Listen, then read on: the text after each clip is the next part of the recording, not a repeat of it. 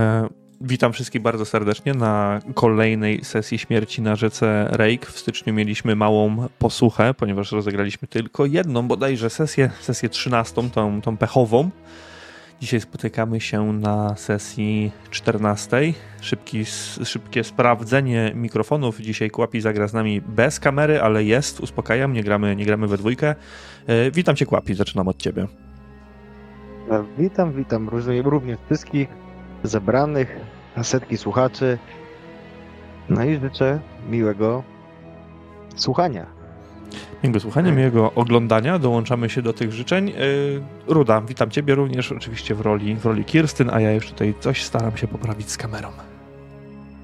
Tak, popraw, bo mogę być, mogę być czołową, na przykład przez całą sesję, ale no dziwnie by to wyglądało, ale mogę też być Batmanem, mogę też wąchać ramki, ale to też by dziwnie wyglądało, więc chyba lepiej jakbym nie robiła takich rzeczy. Już jest wszystko w porządku. Y, Marchewka okay. napisze, że kłapi ok, Ruda dobrze. No i jeszcze, jeszcze Buczo w roli Johana, naszego łowcy czarownic. Cześć Buczo. Dzień dobry. Ja bym chciał powiedzieć, że 13 sesja była pechowa dla rycerzy z zamku Wittgenstein, a nie dla nas. Hmm, to prawda, jeśli, no. chodzi, jeśli chodzi o płynność historii była pechowa, ale jeśli chodzi o wasze postaci, no to jakoś, jakoś się z tego wykaraskaliście.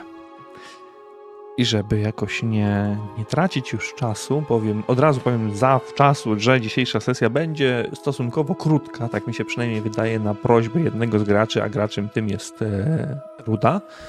Więc na spokojnie przejdziemy do, do narracji.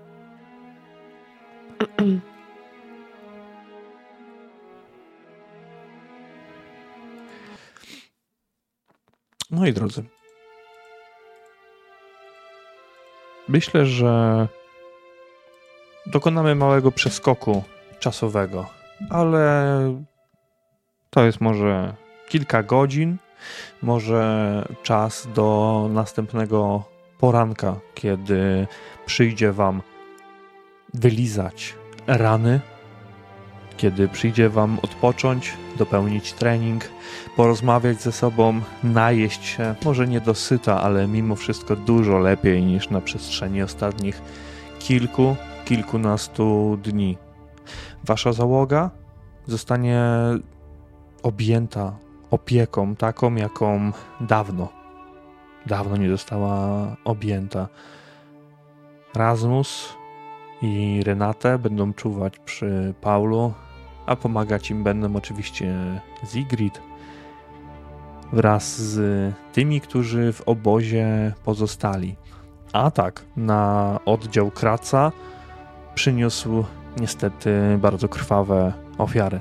Duża część bojowników o wolność samego Wittgendorfu, ale także i zamku von Wittgenstein poniosła śmierć na trakcie pozostała może nie garstka ludzi, ale kilkanaście osób zdolnych dzierżyć broń, jakkolwiek nią, nią władać. Chciałbym, żebyśmy z porankiem dnia następnego przenieśli się do chaty, w której rezyduje Zigrid. Chaty wyściełanej futrami, chaty, w której roznosi się delikatny zapach ziół i wyczuć można aurę kapłanki Ryi, która przekształciła to miejsce w swoją siedzibę. Tę część lasu, która z pewnością byłaby tak samo zdegenerowana, zniszczona i ciała, gdyby nie wpływ jej, jej magii. Tutaj się Tutaj rozpoczniemy, ponieważ Zigrid, stojąc przy, przy stole, opiera się o niego dwiema dłońmi, a wy zasiadacie przy krzesłach na każdym jego krańcu. Czas na przedstawienie planu działania. Zigrid, rozpościerając ręce, odpychając się od tego stołu, spogląda na was z góry i w końcu rzecze. Mimo, że straciliśmy sporo dobrych ludzi, a ich śmierć jest nieodżałowana, Wydaje mi się, że za pomocą pewnego fortelu jesteśmy w stanie zdobyć zamek z waszą pomocą. Wy chcecie się na niego dostać, a my, my chcielibyśmy go zająć całkowicie i położyć kres rodzinie von Wittgenstein, ciemiężącej Wittgendorf przez te lata. Zamek jest wysoko, 60 metrów nad nami. Musicie wiedzieć, że podzielony jest na dwie części. Na zamek dolny i górny, połączone ze sobą mostem. Mostem zwodzonym, który można zamknąć z jednej i z drugiej strony. Zamek dolny to główna strażnica, od której biegnie droga prowadząca do wioski. Podejście nią to samobójstwo, ale dotarcie do zamku w jakikolwiek sposób od spodu, a potem zajęcie bramy głównej może spowodować, że moi ludzie będą w stanie wejść do środka. Wystarczy wtedy tylko opuścić liny dla mojego oddziału. Droga do zamku głównego wiedzie przez wewnętrzną strażnicę. Mury widać doskonale i z Wittgendorfu, jeśli się mocno przyjrzycie. Wszystko widać jak na dłoni. Ale wejście po murze od tej strony, samemu bez pomocy ze środka, nie ma sensu. Nie widzę też sensu pchać ludzi razem z wami. To musi być cicha akcja. A mały oddział złożony z waszej trójki będzie idealny. I nie pomyślcie, że chcę się wami posłużyć. Oj nie. Mimo wszystko jednak myślę, że droga, którą chcecie obrać, ta, którą wam pokażemy, nada się idealnie dla tak małej grupki, grupki osób. Bo jak rozumiem, nadal chcecie udać się do tej jaskini, o której rozmawialiśmy wcześniej, prawda? Oczywiście. Nic nie uległo zmianie. Bardzo dobrze. Bardzo dobrze. Cieszy mnie to. Zigrid odchodzi kilka kroków w dal i staje przy, przy oknie. Musicie wiedzieć o więcej o straży zamkowej. Straży przewodzi Georg Hegel. Jemu pomaga Schill Doppler oraz trójka pomniejszych sierżantów. Kratz, który już nie żyje, Klinger oraz Anderer. To może nie przystoi, ale twarde bydlaki i lepiej unikać starcia z nimi, co, co widzieliście, o czym przekonaliście się doskonale na trakcie. Powiedzmy, że Kratz to nadal jeden z pomniejszych ludzi tam na zamku, a i tak potrafił wykonać ogromne szkody, wywołać ogromne szkody wśród moich ludzi. Oczywiście nie powiem wam, jak macie to zrobić, ale chyba najbardziej optymalnie byłoby zrobić to wszystko po cichu, wykorzystać element zaskoczenia, pomóc nam dostać się na zamek, a wtedy my, my bylibyśmy gotowi, aby odciągnąć uwagę strażników, a wy moglibyście wtedy udać się na zamek górny. Być może całkowicie nie niepokojeni. Jestem świadoma Działa. tego, jak duże szkody możemy ponieść w tym ataku, ale dzięki wam kolejny raz to powiem, uwierzyłam w to, że jesteśmy w stanie. Działanie po cichu to nasza specjalność. Tak, zdecydowanie. Nie I wiem. Kirsten tutaj teraz poklepuje się po no, no swojej zbroi, która z każdym jej ruchem właściwie wydaje jakieś dźwięki. Zbroję możesz zostawić. Te elementy, które będą zbyt głośne.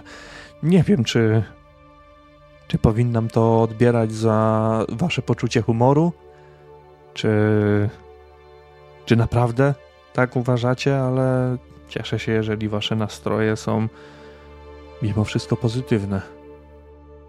Kirsten, wiedz, że twoja zbroja będzie u nas bezpieczna, jeżeli zdecydujesz się zostawić jakieś jej elementy. rozumiem, aczkolwiek obawiam się, że do walki prędzej czy później dojdzie. I wolałabym swoją zbroję mieć na sobie, by w razie czego torować przejście tym, którzy są mniej uzbrojeni i stać w obronie tych, którzy tej obrony będą potrzebować.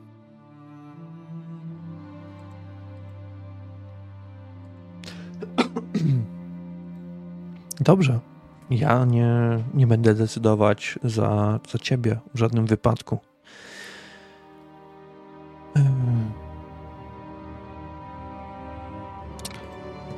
Chciałabym, żebyście początkowo przeprowadzili zwykły rekonesans i sprawdzili drogę. Odrzucamy drogę główną,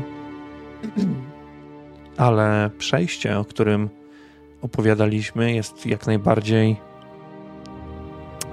jak najbardziej potencjalne. Jest jeszcze jedna rzecz, o której musimy porozmawiać.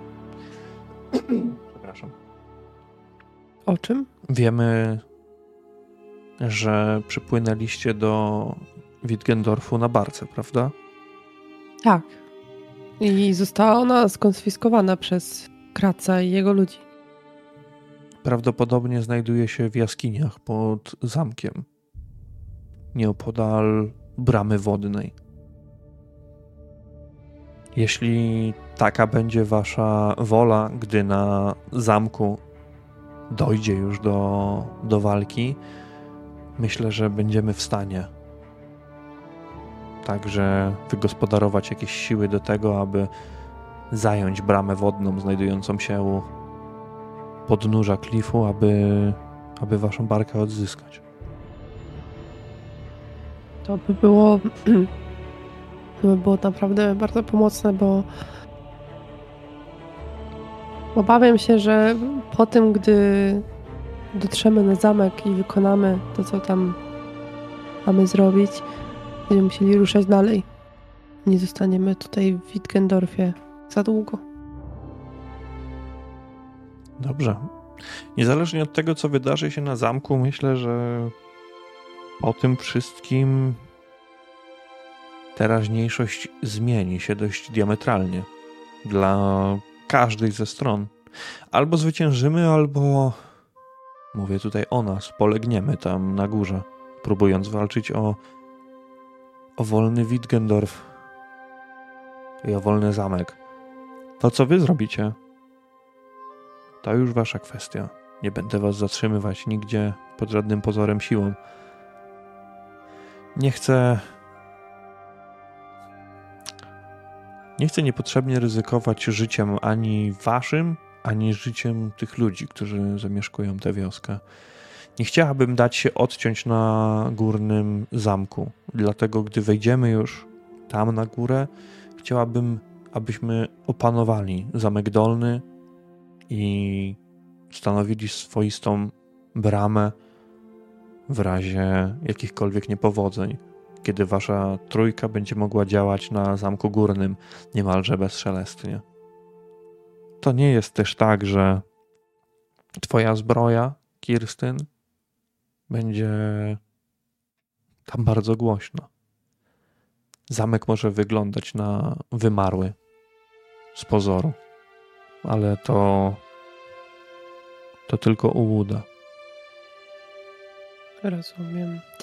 Sigrid, co by się nie działo, wiedz, że mogę mówić tylko za siebie, ale ja jestem gotowa nadłożyć nieco drogi, odczekać, ale tak, by zamknąć prawy tutaj, tak by z powrotem uwolnić Wittgendorf spod spod, spod plugastwa, jaki je trawi. Chociaż w małym stopniu pomóc naprawić to, co się tutaj wydarzyło. Nie wiem, co, co wy sądzicie. Tak zrobić musimy. To nie podlega żadnej dyskusji i wątpliwościom.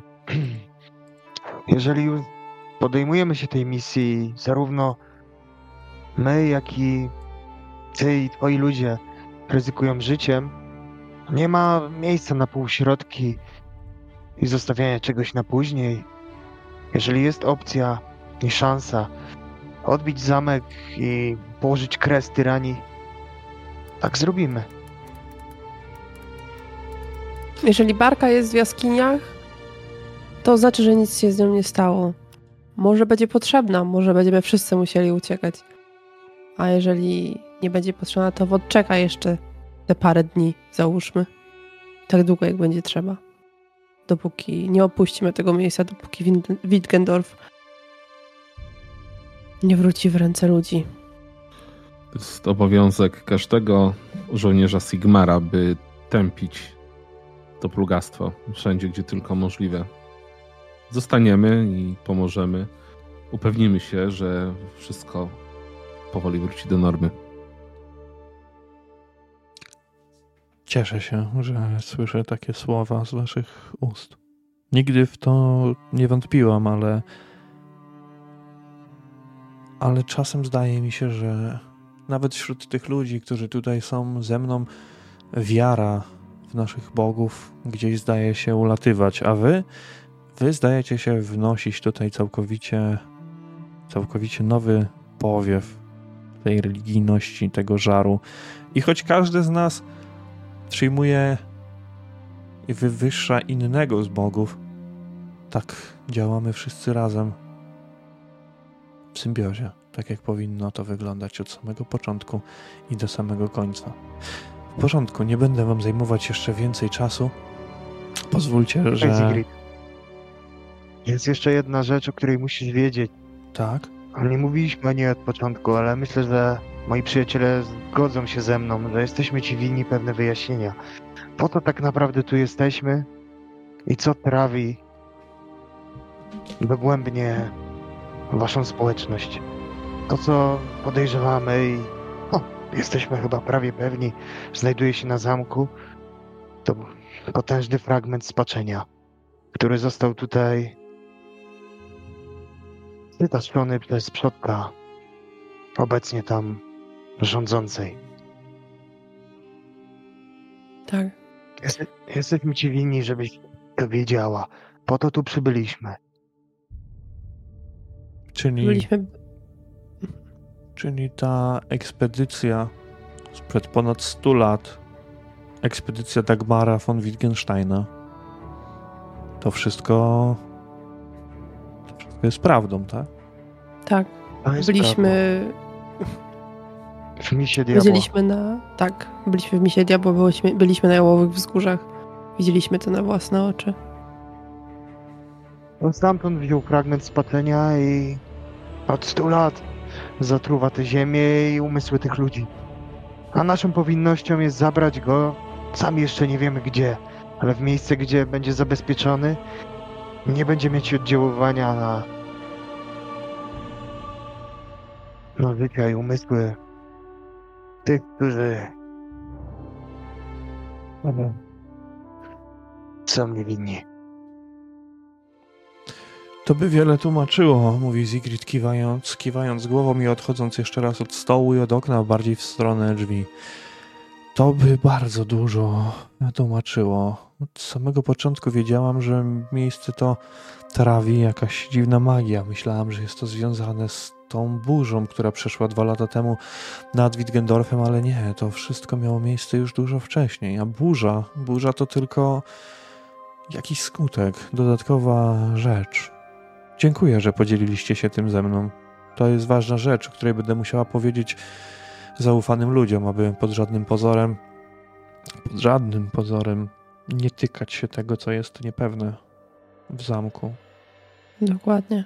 I musisz to wiedzieć, by odbudować to miejsce na nowo. Mam nadzieję, że jeżeli to zniknie stąd, odpłynie razem z nami, jeszcze nie wiemy gdzie, ale daleko, te lasy znowu się oczyszczą i znowu Może- wróci tu życie. Może powinniście udać się do. Albo powinniśmy spróbować to zniszczyć, albo spróbować skontaktować się z jakimiś czarodziejami z kolegiów. Może oni jakkolwiek będą w stanie pomóc. Być może Możliwe. jest to jedna z ewentualności. A Wittgendorf i ten napój, który był serwowany, mieliśmy podejrzewań, podejrzenia i dalej tak uważam, że ten pseudo Cyrulik, lekarz, czy jak go zwał, tak zwał. On boi tym mieszkańców. Rousseau? Oczywiście, odkryliśmy, tak. byliśmy w jego domu i odkryliśmy listy, w których jasno wynika, że łączy go jakieś głębsza więź z Lady Margaretą. Margaritą.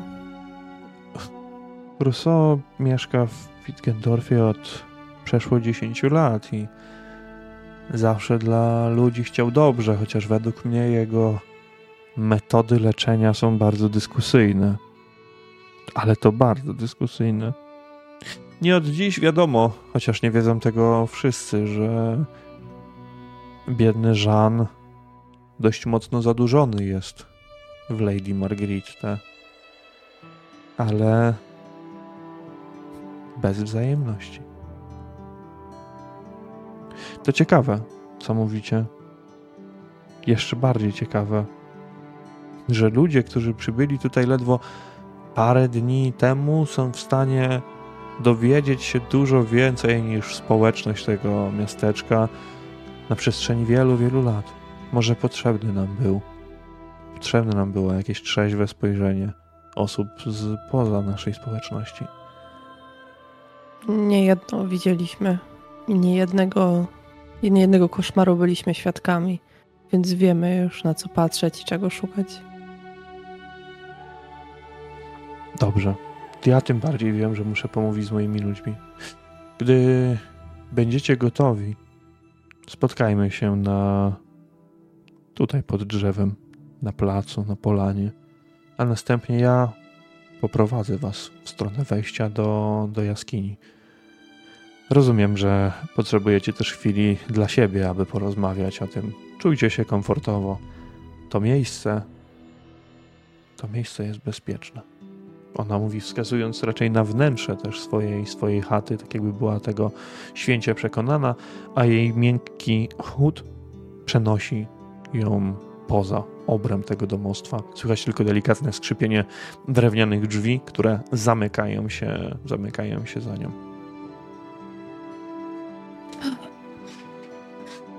Przyznam szczerze, że dobrze było w końcu wyrzucić z siebie te wszystkie rzeczy. Podzielić się z kimś jeszcze tą, tym ciężarem, jaki niesiemy. Ja się cieszę, że w tym strasznym miejscu udało nam się znaleźć sojusznika. Nawet nie jednego. Trzeba pomówić. Trzeba pomówić z naszymi ludźmi. To jest dobre pytanie. Co chcemy zrobić z tym spaczeniem, jeśli już go zdobędziemy? Nie znam żadnych osobiście sposobów albo nim przypowieści na temat, jakby to zniszczyć. Czarodzieje, nie wiem, nie ufam im trochę. Z drugiej strony, no, coś musimy z tym zrobić. Ale czarodziej jest w Aldorfie, Aldorf jest daleko. A. Johanie, jesteś łowcą czarownic. Wiemy, że musimy się następnie udawać do Midenheim. Czy w Midenheim nie ma jakiegoś oddziału was? Jak to działa w ogóle z wami? sama słyszałaś, co spotkaliśmy na trakcie. Midenheim nigdy nie było przyjazne wyznawcą Sigmara zbytnio, zwłaszcza zbrojnemu ramieniu, a co dopiero teraz słyszeliśmy o, o pod, pogromach i tak dalej. Nawet ty jako wyznawczyni Sigmara, ja bym się nie afiszował z naszą wiarą w tamtym miejscu. Będzie ciężko, tam są zakony rycerskie, ale coś, co by nam pomogło z, z taką plugawą siłą, nie rzućcie wiem. w międzyczasie na. Przepraszam, że się wam wcinam, ale rzućcie w międzyczasie Mhm. na wiedzę Imperium z modyfikatorem plus 20. Może ja wam coś podpowiem z waszej, z waszej wiedzy y, imperialnej. Może Tak, być tak, Raycland? tak. No. To, to oczywiście to, to traktujemy jako wiedzę imperialną tak naprawdę. Y, Plus 20, tak? Dobra. Plus 20. Mhm. I to nawet pasuje u ciebie, u ciebie Johanie, bo ty prowadzisz te, teraz ten, ten dialog. Johanie, musisz wiedzieć i albo sobie raczej przypomnieć w pewnym momencie, to coś zaskakuje w twojej głowie, że w Mindenheim znajduje się gildia czarodziejów i alchemików tak naprawdę. To nie jest kolegium magii, ale są tam na pewno jacyś czarodzieje, ci, którzy no, zajmują się sprawami, sprawami miasta, takim jak jest Midenheim. Ono nie jest pozostawione e, samo sobie, bez opieki magicznej. Wycieszyłeś się, mój drogi. wyciszony. Chociaż z drugiej strony coś sobie przypomniałem. Pamiętam, że inni łowcy czarownic ogólnie mówili niezbyt pochlebnie o Midenheim, dlatego że podejście władz Midenheim do czarodzieje jest znacznie bardziej liberalne niż w reszcie Aldorfu, więc faktycznie może nie kolegia, ale jacyś czarodzieje tam są. Wiem, że też jest tam jakaś szkoła, ona chyba chce się nazywać uniwersytetem, ale chyba im nie jest, więc no mądre głowy pisma są. Midenheim to jednak jedno z największych miast imperium, więc coś na pewno się tam znajdzie, jakąś radę. W takim razie tam zaniesiemy zaniesiemy kawałek y, Morsliba. My nie wiemy, co mamy z tym zrobić, jak to zniszczyć. Siłą? A może Możemy coś więcej, to oni będą Możemy spróbować, żeby za długo, wiecie, do Midenheim też się podróżuje, to cały czas będzie przy nas. Też, żeby nie miało Dlatego żadnego też, efektu na nas. Dlatego też postanowiłem, że warto podzielić się z tym, tą wiedzą z Zigrid. Być może przez czas, kiedy my będziemy starać się zdobyć zamek, ona coś wymyśli. Może tak. tak jak mówisz, będziemy z tym um, podróżować. Może zna jakiekolwiek zaklęcie, które pomoże nam oprzeć się temu, co, co będzie miało na nas wpływ w czasie podróży. Albo zamknąć tą siłę w jakiejś szkatułce, albo coś podobnego, no nie Ale wiem. czymże jest szkatuła no w obliczu takiego wielkiego plugastwa? No magią oczywiście o kolana. A umiesz, a umiesz tą magię wić? Przepraszam nie no, bardzo, może proszę. Nie, przyjaciele, według tego co wiemy, kawałek Moresliba powinien się znajdować już w jakiejś szkatule. Ale nie wiem, zobaczymy na miejscu. Nie zachodźmy planami tak daleko. Co jeszcze daleka droga przed nami. Samo zdobycie tego i odbicie zamku to karkołomny wyczyn. Mm, Radulf ma się na tym, a dopiero później zobaczmy, co dalej można zrobić i wtedy pomyślimy, gdzie się udać i do kogo, do kogo prosić o pomoc. A kogo prosić o pomoc. Radulf ma rację. Ja muszę jak coś zrobić z tą kurtą, przecież nie będę z rozrywanym rękawem jak na zamek. Dobrze, dobrze, oczywiście. Zgadzam się, ale słuchajcie, nieważne jak, w jakim, jak będziemy transportować to i jak to będzie wyglądać, to już na tą chwilę jest mało istotne, ale wydaje mi się, że, że trzeba się też podzielić tą informacją z Renate, Rasmusem i tym, no. Eee, I z Paulem?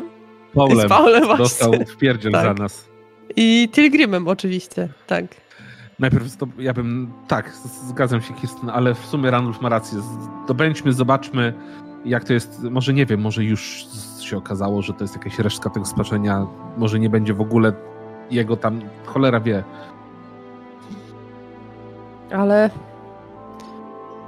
no nie wiem, wydaje mi się, że warto też im o tym chociaż wspomnieć. Nie chcę, żeby szli razem z nami albo z resztą ludzi. Wolałabym, żeby tutaj zostali. Chyba idziemy sami. Przetrawili tą informację. E, my tak, ale czy oni nie ruszą?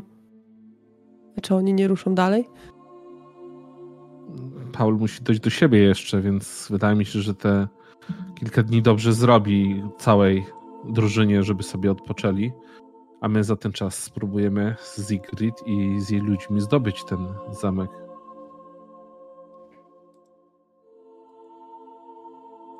No dobrze.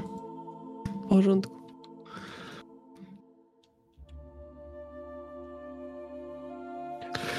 Jak ja na pewno przed wyruszeniem chciałem, no bo mam rozerwaną to lewe, powiedzmy, ramię na kurtcie. To nie chodzi o to, że ja chcę to naprawić, bo nie wiem, raczej wątpię, żeby tutaj było, ale nawet jakoś wizualnie, żeby to było, żebym ja nie szedł z jakimiś tam kawałkami e, że tak powiem, materiału, tylko żeby chociaż to uciąć i po prostu bez rękawa jednego iść, no jakoś żeby to wyglądało mniej więcej. Mm, o rzemieślnika, tylko, tylko dokończę jakby od razu, o rzemieślnika tutaj może być ciężko, e, Johanie, jakiego, jakiegokolwiek takiego, który by ten pancerz przywrócił do stanu, Nie, stanu godności, ale jeśli chodzi o jakąś taką wizualną rzecz, myślę, że poświęcenie, poświęcenie jakiegoś czasu jeszcze na to tutaj przed, przed południem, tym późnym, późnym rankiem nie będzie z tym żadnego, żadnego problemu. Ja, się na ja, ja widząc, ja widząc, że Mm, że tutaj e, Johan zastanawia się, pogląda może gdzieś na ten element e, zniszczonego pancerza. Myślę, że jeżeli porozmawiamy z Zigrid, na pewno znajdziemy jeszcze coś tutaj, co nam użyczy w naszej misji. No, przecież walczyliśmy ze strażnikami, a nie byli opancerzeni. Czemu by nie spróbować? Nie wiedzą, że zostawili na rynsztunek, który być może na pewno przyda się im na ciałach poległych. No nie, ale to wiesz, jak mamy się skradać, to raczej w zbroi to będzie, będzie ciężko. Ale tak, no zawsze można zapytać, nic nie szkodzi.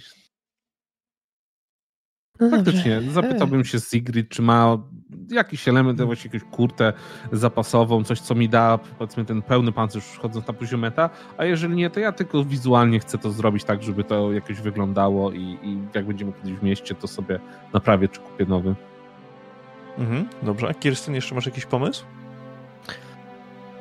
Nie, właściwie ja bym raczej już Kirsten wstanie po prostu i jeszcze powie, że to pójdę sprawdzić, jak reszta naszej załogi.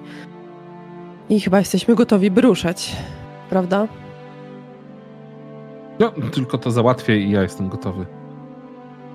Widzieliście tą naszą zasadzkę na trakcie. Być może wyeliminowanie sierżantów i głównego dowódcy sprawi, że reszta reszta najmitów pierzchnie. To może być Możliwe. jakieś wyjście, które da nam, da nam przewagę. Czyli próbujemy po cichu, ale tak, jeżeli będzie, nada się, nadarzy się okazja, żeby kogoś wyeliminować, to wchodzimy w to, rozumiem, tak? I to jeszcze jak? No dobrze. Myślę, Johanie, że znalezienie jakiegoś fragmentu na, na ramiennika, jakiegoś obicia skórzanej, skórzanej kurty, tutaj nie będzie, nie będzie problemem. Naturalnie można by wymienić nawet całość twojego pancerza, tego wierzchniego, e, górnej części, ale nie będzie to wyglądać też zbyt, zbyt dobrze. Ty masz też jakby inny pancerz, pancerz na sobie, musiałbyś się pogodzić trochę z innym wyglądem.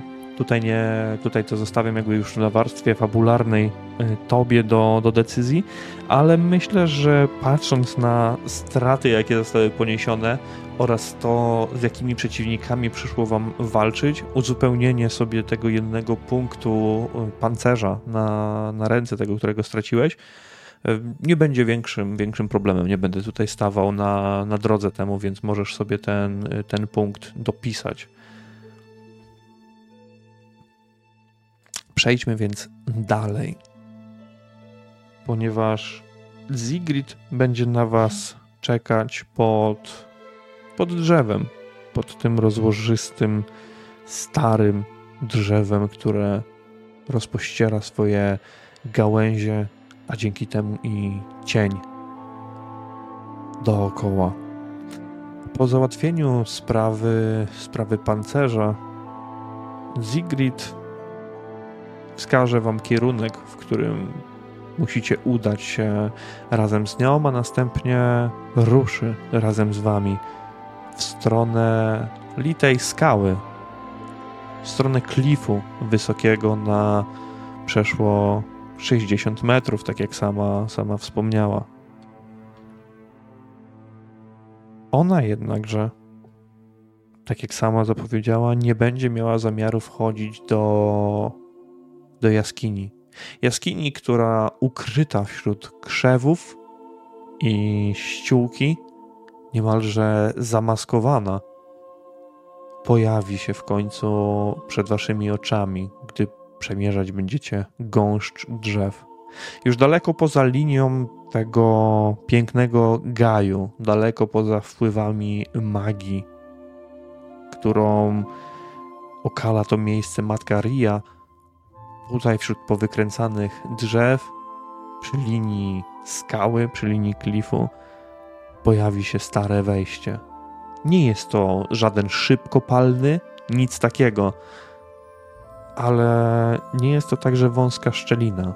Wejście do naturalnej groty prowadzącej wewnątrz. Myślę, że możemy sobie pozostawić to w sferze domysłu, że ze sobą macie nadal pochodnie oraz wszelaki, wszelaki sprzęt potrzebny do eksploracji takowych jaskiń, bo Zigrid nie wypuściłaby was z obozu bez takowego, takowego sprzętu. Środku, tak jak powiedziałem, mimo rozpalonych pochodni, bardzo szybko zaczyna panować mrok, więc stając na wejściu do tejże groty, nie jesteście w stanie rozświetlić tego miejsca nawet na kilka, kilka metrów. Ciężko było zauważyć to wejście do, do groty, ale dzięki Zigrid stanęliście w końcu przed nim, wśród kamieni i pomniejszych głazów, a także delikatnego smrodu wilgoci wydobywającego się z tejże groty.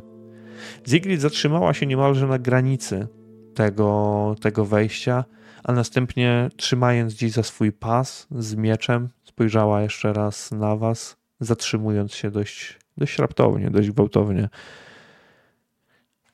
To tutaj. Nie będę szła z wami dalej. Tak jak już wcześniej wam mówiłam, to miejsce nie należy do najprzyjemniejszych. Zwłaszcza dla mnie. Nie, nie czuję, aby to było coś, gdzie powinnam stawiać swoje dalsze kroki. Czego możemy się spodziewać w środku? Boję się, Johanie, że wszystkiego. Od dziwnych wynaturzeń po po ludzi. Po ludzi von Wittgensteinów. W końcu jaskinia ta może prowadzić głęboko, głęboko przez lochy zamczyska, aż do, aż do zamku dolnego, może nawet do górnego. Nie eksplorowałam tych jaskiń nigdy, ale jeżeli wasza koncepcja o, o bryle spaczenia jest prawdziwa, to mogę tylko się domyślać, co mogłam swego czasu za pomruki słyszeć, które dochodziły z tej jaskini. Nie, brzmi to pocieszająco. Bo takie nie jest. Nie zamierzam was pocieszać, a zamierzam powiedzieć całkowitą prawdę. Nie chcę pchać was na jakąś rzeź, nieświadomych tego, co, co sama słyszałam i czego się, czego się obawiam. Nigdy nie powiedziałam, że to jest bezpieczna droga. Ale na pewno jest dużo większa szansa niż przy normalnym, zwykłym szturmie na zamek od strony drogi. Czyli przedostajemy się przez tunel do dolnego zamku, puszczamy liny koło bramy i rozumiem, że resztą zajmiecie się wy na dolnym zamku. Tam się spotkamy i przejmiemy od Was bramę główną, aby móc normalnie wyjść z tego zamku, jeżeli znajdzie taka potrzeba, chociaż nie zamierzamy się cofać, oraz przypuścimy atak już wewnątrz zamku. Jeśli dobrze myślę, oddziały, które się tam znajdą, albo okopią się w jednej ze strażnic, albo wyjdą nam na spotkanie, przez co wy będziecie mieli niemalże otwartą drogę na zamek górny. Jest tylko jeden szkopuł. Najważniejsze jest to, aby droga prowadząca na górny zamek pozostała otwarta. Jeżeli zamkną obie drogi, będziemy, będziemy odcięci, ale będziemy odcięci po tej części, którą będziemy w stanie wyjść z zamku. W razie czego, jeżeli doszłoby do odcięcia, nie wahaj się. My sobie poradzimy. Jeśli dostaniecie się na zamek górny, a my stoczymy udany bój o Zamek Dolny, możecie być pewni, że przejście to pozostanie otwarte i będzie na was oczekiwać, niezależnie od tego, co wydarzy się na Zamku Górnym. Nie wiem. Naprawdę nie wiem, czego możecie się tam spodziewać. Wydaje mi się jednak, że to, co najgorsze pod względem zbrojnych, czeka nas na Zamku Dolnym. Na Zamku Górnym rezyduje tylko rodzina panująca. Na Rozumiem. pewno nie spodziewają się ataku, który planujemy i ma za zadanie zająć ich od środka. Mam taką nadzieję. Wracajmy.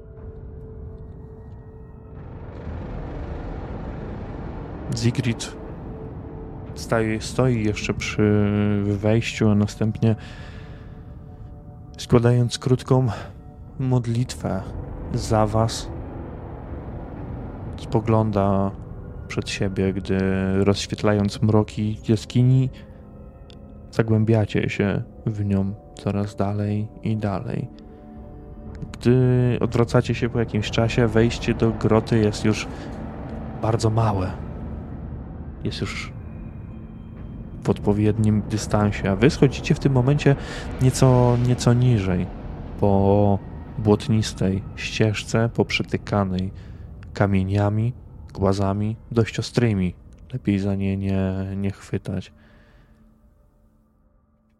Chciałbym prosić Was o pewien test.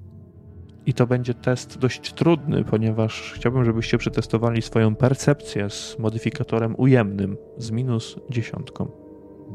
Ja bym tylko chciał powiedzieć, to nie ma wpływu na ten test, ale że wzięliśmy na pewno też pochodnie, zanim weszliśmy, przynajmniej Johan. Mówiłem to, Yy. Johanie, że jesteście wyposażeni w Było pochodnie. O, jest, dobra. Wybacz. Nie ma żadnego problemu. Percepcja Mm. z 10. Nie wycieszyłem sobie jednej karty. To ja przerzucę. Masz krytyczną porażkę, Kirstyn. I mamy dwie porażki u panów, więc możesz Dobra. przerzucić. I przerzucasz na sukces. Bardzo ładny. Jesteśmy na wartości plus jeden tego, tego sukcesu. Gdy Johan rusza przed siebie razem z ym, Randulfem, ty, Kirsten, pewną, pewną rzecz. Kilkanaście metrów dalej po wejściu w głąb jaskini, wśród mokrej, wilgotnej, błotnistej ziemi, pośród tych kamieni, coś szło. Coś. Nie, coś pełzło. Coś pozostawiło ślady. Niewyraźne i praktycznie zatarte, ale wyglądają jak jak przyssawki. Coś na zasadzie migawki pozwala ci przypomnieć sobie macki podobne do tych, które posiadał ten mutant, który parę miesięcy temu wciągnął Randulfa głęboko pod wodę. W jaskini to już wszyscy czujecie. Po tych kilkunastu metrach bije odór zarówno tej wilgoci, ale także i głębokiej, głębokiej stęchlizny. Ten y, zauważalny spadek terenu coraz niżej powoduje, że jest wam dużo zimniej niż jeszcze chwilę, chwilę temu. Kamienie są śliskie, miejscami rozkopane gdzieś na boki, ale jedynym plusem tej ścieżki jest to, że jest ona dość szeroka i dość wysoka. Nie musicie iść zgarbieni, nie musicie się schylać. Nie są to wydarzenia podobne do tych, które Kirstyn i Randulf przeżyli w Misie Diabła. Spójrzcie. Spójrzcie tam. I wskazuję Co? na te ślady. Wyglądają jak, Oświetlam. jak. Jak coś, co. Ten stwór z rzeki, co ciebie tak Randulfie po, porwał. Jakby to on to wszystko Tak. zostawił. I schodzimy, schodzimy coraz niżej. Może jesteśmy już pod rzeką. Mogę się tego spodziewać. Ja wtedy, no, jak cię wtedy w ten który nas wywęszył, gdy chcieliśmy zrobić zasadzkę. Na pewno jest takich tu więcej. Może nawet celowo je tworzą. Bądźmy czujni. Może on je, oni je wykorzystują, tak jak tamci mieli go jak na, jak na smyczy jakiegoś psa gończego, a tutaj może też kogoś zostawili, żeby chronić tego wejścia do zamku. Możliwe, możliwe. Ale lepiej bądźmy cicho. I starajmy na siebie nie zwracać za dużo uwagi. Gdzieś przed wami, daleko, poza granicą wzroku, gdy mówisz to Kirstyn, daje się słyszeć głęboki, ochrypły ryk, który odbija się echem wśród ścian i korytarzy, przeszywając was niemalże na wskroś. Jakby coś zamruczało przeciągle, nieprzyjemnie, z mlaśnięciem. Kilka chwil dalej do tego ochrypłego ryku, który teraz przechodzi tylko już w echo, niczym w upiornym teatrze, dołącza piskliwy dźwięk. Ale nie jest to dźwięk jakby nietoperzy, ale bardziej przypomina on tarcie metalu o metal połączony z głośnym chrzęstem. Chwilowy, ale dość mocny, taki, który świdruje uszy i po chwili niknie, cichnie. Kilka metrów dalej docieracie do rozwidlenia korytarzy. W lewo oraz w prawo, ale bardziej na skos w kształcie litery Y. O ścianę oparty jest ludzki szkielet. Tak jakby opadł z wycieńczenia na błoto, a plecami przyparł do ściany. Czy on ma jakieś ubrania poszarpane yy, na sobie, czy może jakąś zbroję, może jakiś miecz? Chciałbym, jeżeli byłbym w stanie określić, kim ten człowiek był, czy to był jakiś strażnik, który chciał uciec, czy to był jakiś, nie wiem, wędrowiec, czy to po prostu jakiś plebejusz, więc może ma jeszcze na sobie jakieś strzępy materiału. Johanie, bardziej skłaniasz się ku tej ostatniej wersji, ponieważ gdy wchodzisz, podchodzisz nieco bliżej, przyświecając sobie pochodnią, aby zobaczyć ten, ten, tenże szkielet, widzisz jedynie fragmenty starych ubrań, materiału, które nawet nie są poszarpane, to są dosłownie strzępki tego, co już zdążyło się rozłożyć, ale ważniejsze jest to, że kości tego szkieletu, zwłaszcza, zwłaszcza udowa, czy te kości u rąk, zostały w nim przełamane w pół, tak jakby ktoś chciał wyssać z nich szpik. I gdy patrzysz na te kości, gdzieś w tle echem znowu niesie się głośniejszy, ale tym razem wrzask, niczym przy, przy waszych uszach, odbijając się teraz od ścian, dociera do was dość mocno, a wasze pochodnie w tym momencie gasną. I przetestujmy sobie wasze opanowanie.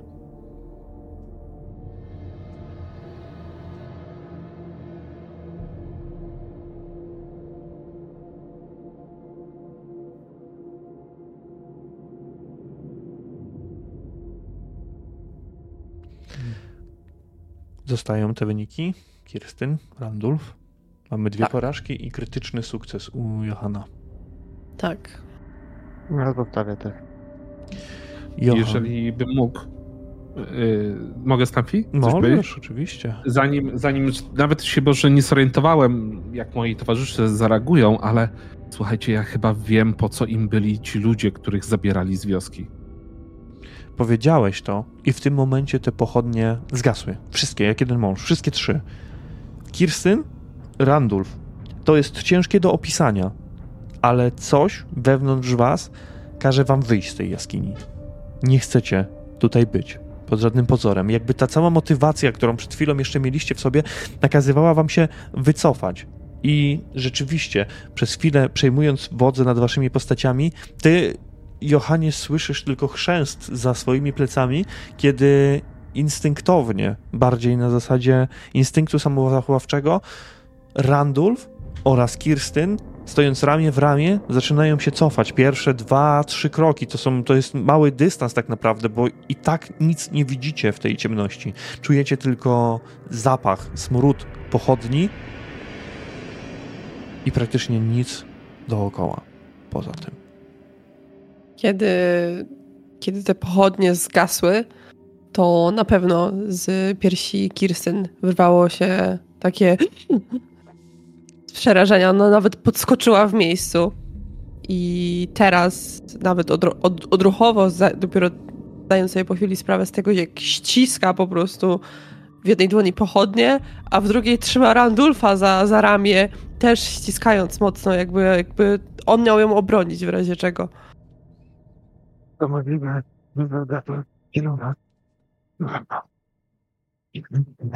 Nie słychać ciebie, kopie. Ja nie, rozum, nie rozumiemy. To możliwe, że zgasły wszystkie naraz w jednej chwili. Niemożliwe. Bądźcie silni. Kirsten, złap Barkula. Niech Sigmar doda ci sił. No ale... O, o bogowie. Dźwięki... Pamiętaj, Kirsten, Sigmar jest zawsze z nami. Nawet w tym opuszczonym miejscu. Kiedy Johan to mówi, dźwięki świergotania i pisku zaczynają docierać zewsząd. Za waszymi plecami, obok, przed wami i nad wami. Coś jakby otaczało was tej jaskini, zdając się spychać was, ale nie do wyjścia w tym momencie, ale bardziej w głąb jaskiń, z których nigdy, ale to przenigdy już nie wyjdziecie. Dobrze, dobrze. E, Sigmar jest ze mną, tak, jest ze mną. I Kirsten w tym momencie, dodając sobie trochę, wydobywa miecza po prostu i ściskając go mocno. Dobra, e, Johanie, idź pierwszy. Musimy ja za tobą. Jakieś dobrze. Czy jesteśmy w stanie, ja jestem w stanie tak, znaleźć może jakiś, nie wiem, sposób, żeby przywrócić tu trochę światła, tylko no nie mam zbytnio pomysłów jak. Ja sięgam po krzesiwo, jakby chcę spróbować w tym, kładę tą pochodnię na ziemi, blisko przy, przy mm, pas zbliżam i, i, staram się prawda, tym krzesiwem wykresać iskry, które ponownie na, na ten roz, rozgrzany jej koniec e, padłby i, i nadał jej blasku drżącymi dłońmi. Dobrze. Randulfie, ciebie będę prosił w takim razie o test sztuki przetrwania z modyfikatorem plus 20, a Kirstyn oraz Johanna o percepcję, także z dodatkowym modyfikatorem plus 20.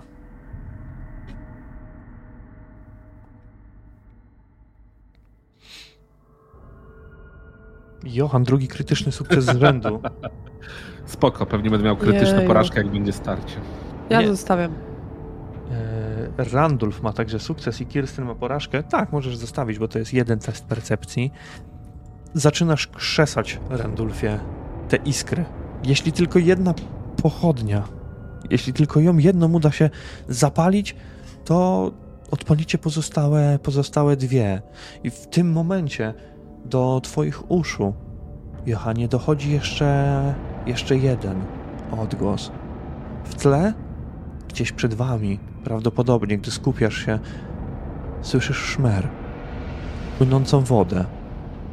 Coś, co może stać się waszym naturalnym kompasem i poprowadzić was w tamtą stronę, nieco głębiej. W tym momencie za twoimi plecami błyszczy ogień, tuż obok Kirstyn, która dzierży w rękach barakula, a Randulf znajduje się na klęczkach, czy też kuca przed swoją, przed swoją pochodnią, która znów zapłonęła jasno, jasno-czerwoną i złotą barwą.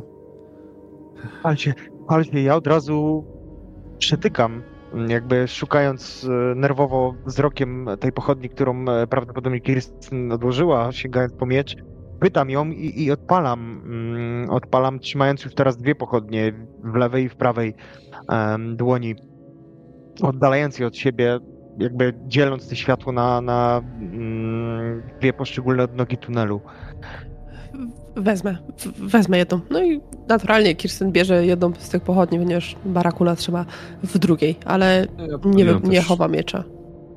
Też odpaliłem. Słuchajcie, wydaje mi się, że słyszałem tam dalej wodę. Wydaje mi się, że będę mógł nas poprowadzić, chociaż w jakimś stopniu dalej. Wydaje mi się, że musimy iść w tamtym kierunku. Dobrze. No chodźmy. Opuśćmy to tak. zapomniane przez bogów miejsce czym prędzej.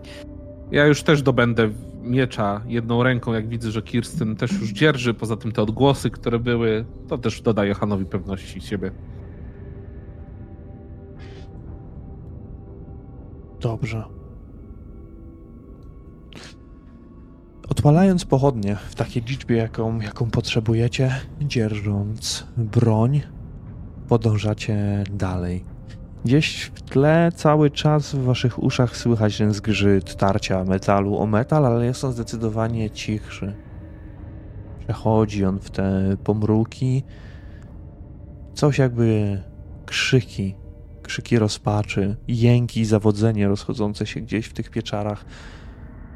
Mijacie kolejne skrzyżowanie, rozwidlenia, jaskiń, ale Johan Niczym naturalny kompas prowadzi was w stronę szmeru wody, który zdawał się usłyszeć kilkanaście metrów temu.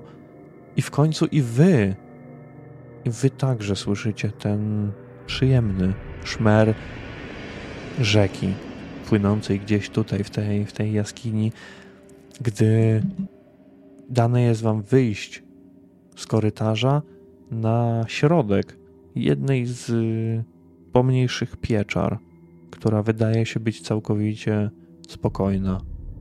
Szmer, piski i inne dźwięki ustają, choć w tle wciąż słychać, jakby coś powoli, powoli przesuwało się po mokrych kamieniach, ale nie szurało, tylko ślizgało się.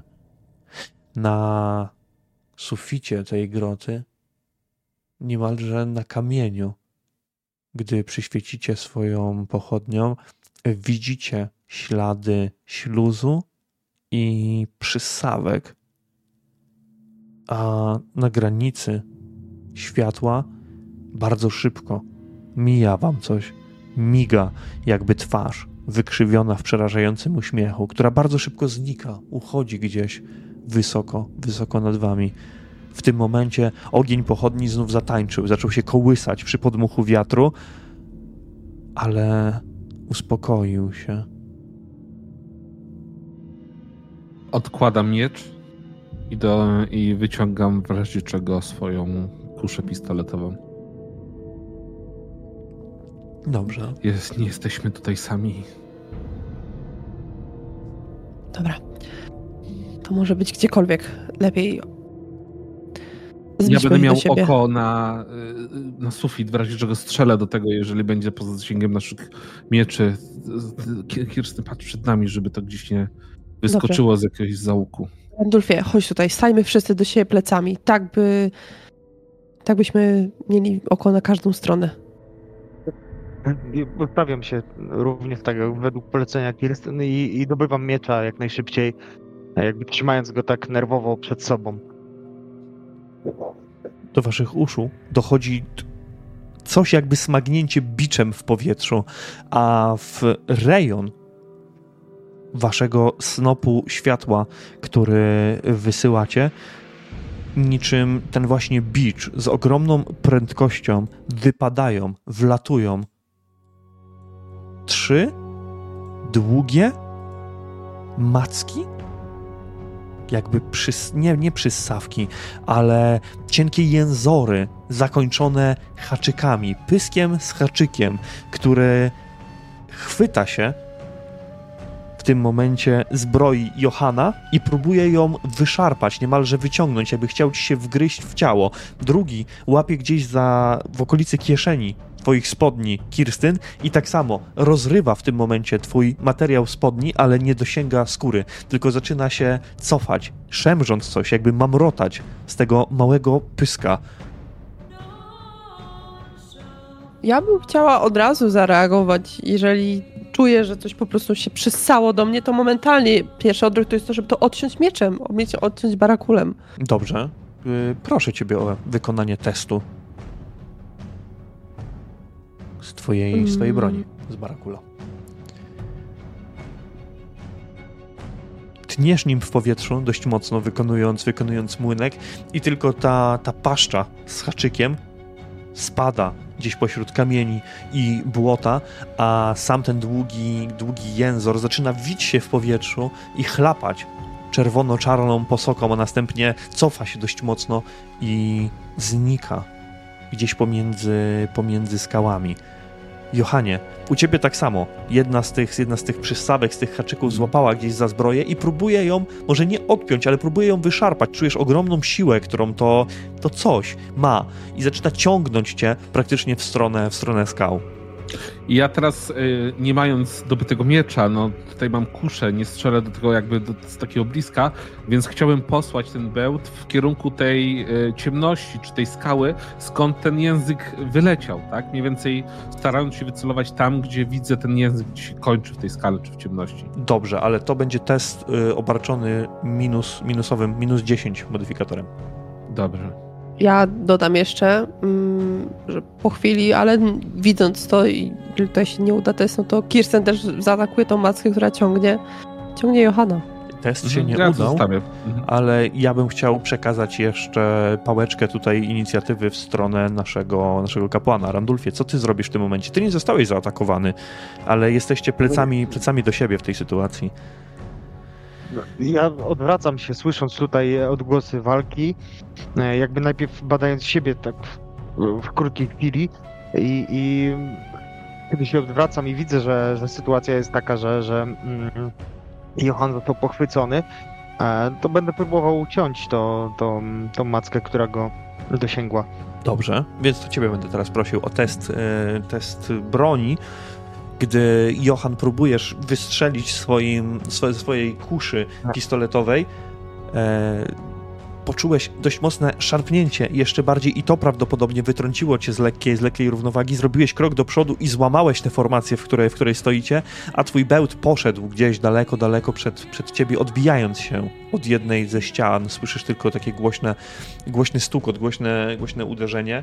Randulfie, ty, my mamy porażkę tutaj na tym teście, więc gdy tak, tak, ty ja gdy ty wywijasz się swoim krótkim mieczem i próbujesz ciąć tę ciąć tę przyssawkę, ona puszcza w tym momencie i unosząc się w powietrzu gdzieś przed waszymi twarzami, będzie próbowała jeszcze raz zaatakować, tym razem już bardziej otwarcie w stronę, w stronę Johana. Johanie, tylko tutaj już ja rzucę, a ty będziesz miał e, szansę na jakikolwiek unik albo, albo uderzenie bronią. Zostawiam tobie tę sytuację.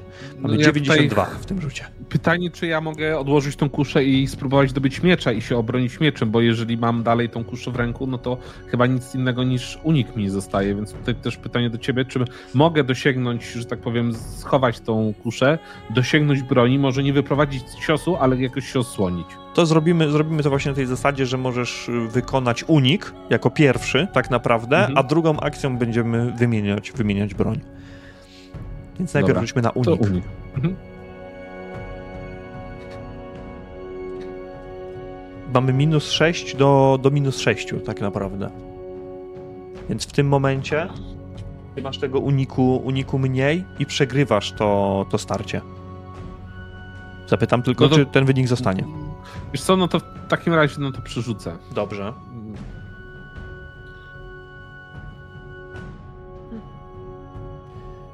I w tym momencie przy twoim uniku, a także wyciągnięciu, wyciągnięciu miecza, całkowicie unikasz tego, tego ciosu, gdy ten jęzor wpada gdzieś między was, ale zatrzymuje się w tym momencie i zaczyna się wycofywać. Ty, Kirstyn, masz szansę na wyprowadzenie swojego uderzenia, które zadeklarowałaś już wcześniej. Naturalnie chcę to zrobić. Dobrze, możesz sobie dodać modyfikator jeszcze plus, plus 10 do tego ciosu. Przerzucam to. Krytyczna porażka. Na porażkę przerzuciłaś. Smagasz swoją bronią powietrzu jeszcze ten, jeszcze ten jeden raz, ale ten jęzor wycofuje się dość, dość sprawnie, jeszcze bardziej w tył. Widząc, może zdając sobie sprawę, jeżeli jest to jakkolwiek stworzenie rozumne, że nie ma z wami, z wami większych szans, zaczyna uchodzić, wycofywać się, tak jakby zwijał się gdzieś w stronę tejże, tejże ciemności. Odstępuje od Johana i jest jeszcze teraz na, na odległość uderzenia mieczem. Johanie, ty możesz zdecydować, co chcesz zrobić. Czy chcesz odpuścić temu, czy chcesz wystąpić jakieś dwa kroki do przodu i jeszcze spróbować ciąć mieczem, który dobyłeś. Spróbuję, bo jak te, to coś się wycofa i, i, i rzuci się na nas z pełną furią, więc spróbuję jak najbardziej osłabić teraz. Dobrze.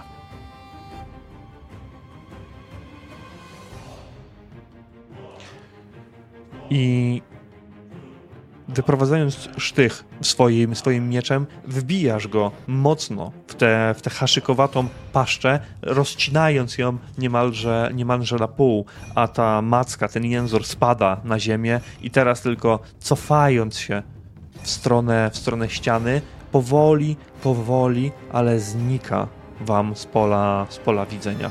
Na razie tylko sunie po prostu po ziemi. Wychodzimy ja już spoza, spoza jakiejkolwiek inicjatywy. Mów, Johanie. Dwa kroki w tył robię z powrotem, żeby się zrównać z moimi przyjaciółmi, żeby zatrzymać jakiś szyk.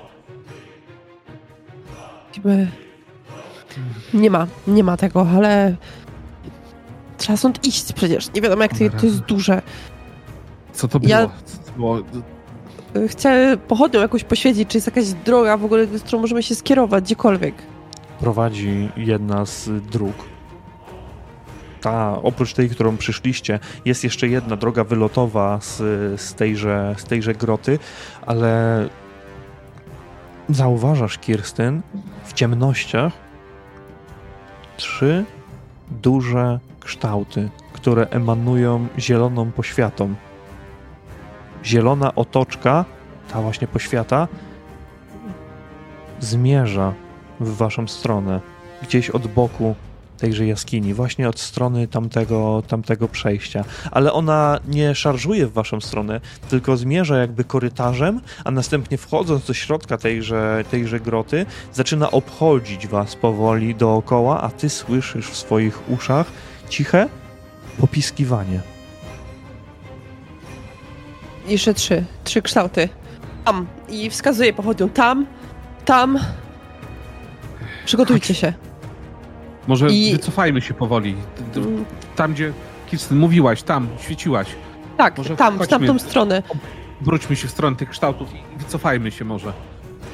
I rzeczywiście myślę, że to chcielibyśmy zrobić, spróbować o, przesunąć się w stronę tego, stamtąd skąd przyszły te kształty, tak, żeby mm, uniemożliwić im obejście nas z każdej strony.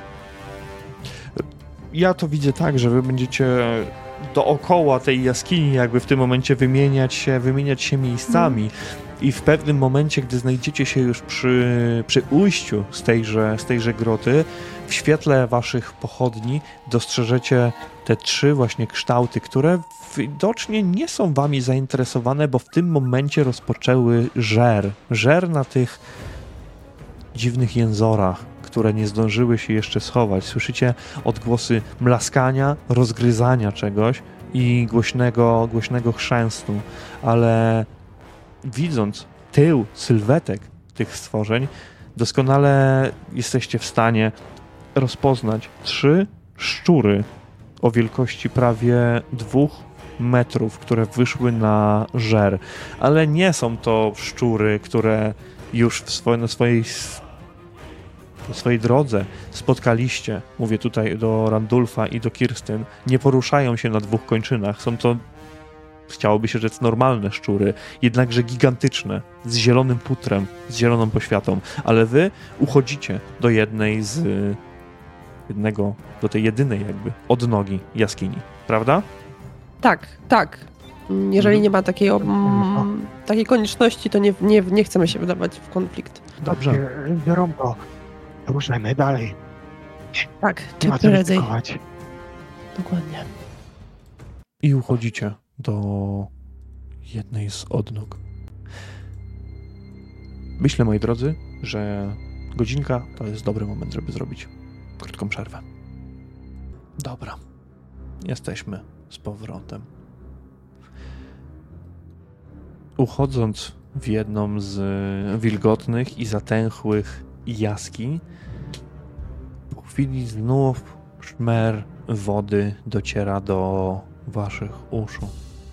Korytarz schodzi jeszcze niżej, a odgłos mlaskania i pożywiania się szczurów niknie gdzieś za wami, nawet jeśli oglądacie się jeszcze przez jakiś czas za siebie. Korytarz schodzi jeszcze niżej, jeszcze niżej, aż w końcu zaczyna się wypłaszczać. Ale kilkanaście metrów przed wami urywa się całkowicie, będąc przeciętym przez podziemny, dość wartki strumień. Strumień, który, którego od dłuższego czasu było już tutaj słychać. Szeroki jest on na około 2 metry, z jasną wodą, od której bije aura lodu. Jest zimna, cholernie zimna. Czujecie ten chłód na, na waszych skórach, mimo ubrań, mimo pancerzy. Pomieszczenie samo w sobie, ten korytarz przecięty strumieniem rozświetlony jest dodatkowym światłem, który niosą hmm, światłem koloru niebiesko-zielonego, które jest niesione, o tak powiem, przez poświatę otaczającą grzyby porastające tutejsze ściany. Dookoła tych grzybów, niczym w zwolnionym tempie, unoszą się skrzące się drobiny, fragmenty odrywające się od tychże, tychże grzybów. Strop po obu stronach schodzi nieco niżej, tak, że niemalże dotyka linii wody. Fale rozbijają się o te kamienie, a wejście do tej wody prawdopodobnie skończyło się popłynięcie, popłynięciem z nurtem, uderzeniem w te, w te skały, może jakimś zanurkowaniem. Niemniej jednak wy macie przed sobą dalszą część korytarza. Wystarczy tylko może nie przekroczyć, ale przeskoczyć tenże i udać się, udać się dalej. Mimo wszystko ten fragment, na który tutaj trafiliście, jest dość osobliwy. Wcześniej tych grzybów różnokolorowych w ogóle nie widzieliście. Może to jest jakaś linia graniczna, może to jest jakieś miejsce, które świadczy o tym, że znajdujecie się już naprawdę bezpośrednio pod zamkiem pod Wittgenstein. Musimy jakoś przedostać się na drugą stronę. Wejście do tej wody nie będzie przyjemne.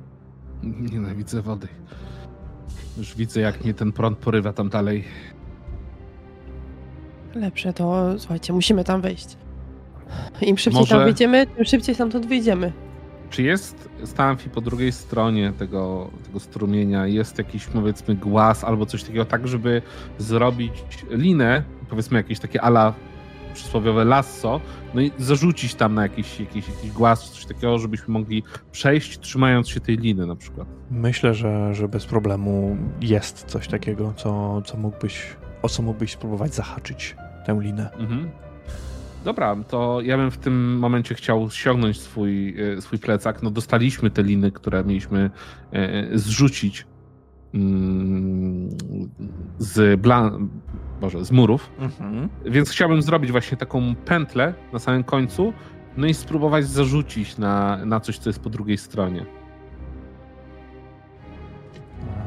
Dobrze. Od tego rzutu tak naprawdę będzie, będzie zależało to w miarę skuteczne wasze, wasze przejście przez rzekę. Jeszcze zaraz zapytam, w zależności od tego, jak to, jak to będzie, mm, będzie wyglądać z twojej, z twojej strony, ale proszę Co, Ja ciebie. jeszcze, ja jeszcze może przerzucę tak, żeby mieć lepszą widoczność, jak to znajduje się po drugiej stronie.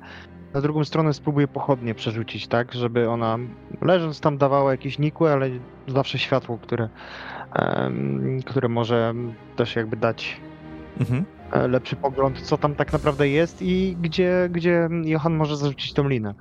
Ciśnięcie pochodnią nie, nie będzie żadnym problemem. Mimo wszystko ten, e, ten strumień nie jest aż taki, aż taki szeroki. Gdy rzucasz pochodnią i ona rozświetla korytarz jeszcze na kilka, kilka metrów, metrów dalej, zauważasz, że korytarz kończy się, prowadząc do wnętrza jakiejś jaskini. Ściany zaczynają się załamywać i, i rozchodzić, rozchodzić się na boki, ale rzeczywiście e, liczne skały wystają tutaj z, z ziemi. Mamy stalagmity, stalaktyty i jesteś w stanie zarzucić tą linę na, na jeden z nich. Tutaj przetestujemy sobie atletykę. Dzięki tej dobrej widoczności chciałbym, żebyś dodał sobie modyfikator plus 40 do tego rzutu. Mm, przerzucę to.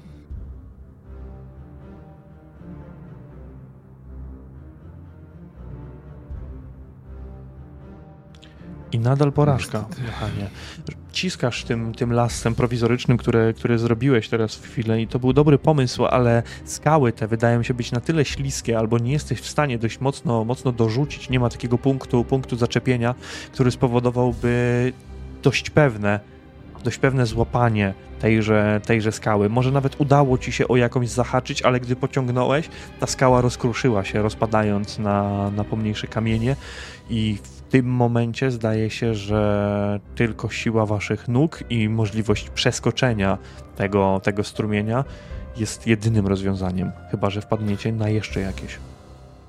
Słuchajcie, ja nie chcę tutaj się wysługiwać wami, no nie udało się, ale może jakby któreś z was najpierw przeszło i później bym rzucił mulinę, to chociażby tam trzymało, wiecie, jak, jaką mam awersję do wchodzenia do takich miejsc. No, no dobra, No, to może ja. Któryś z nas spróbuje rzucić, no nie wiem. Jak tobie nie wyszło, Ja mogę spróbować złapać jeden koniec liny i przeskoczyć. Więc wezmę, tak jak powiedziałam, wezmę rozbieg Mhm. i, i będę chciała skoczyć. I tutaj mamy analogiczny test, tylko że z modyfikatorem plus 20. Yy, no, atletykę. Dobra.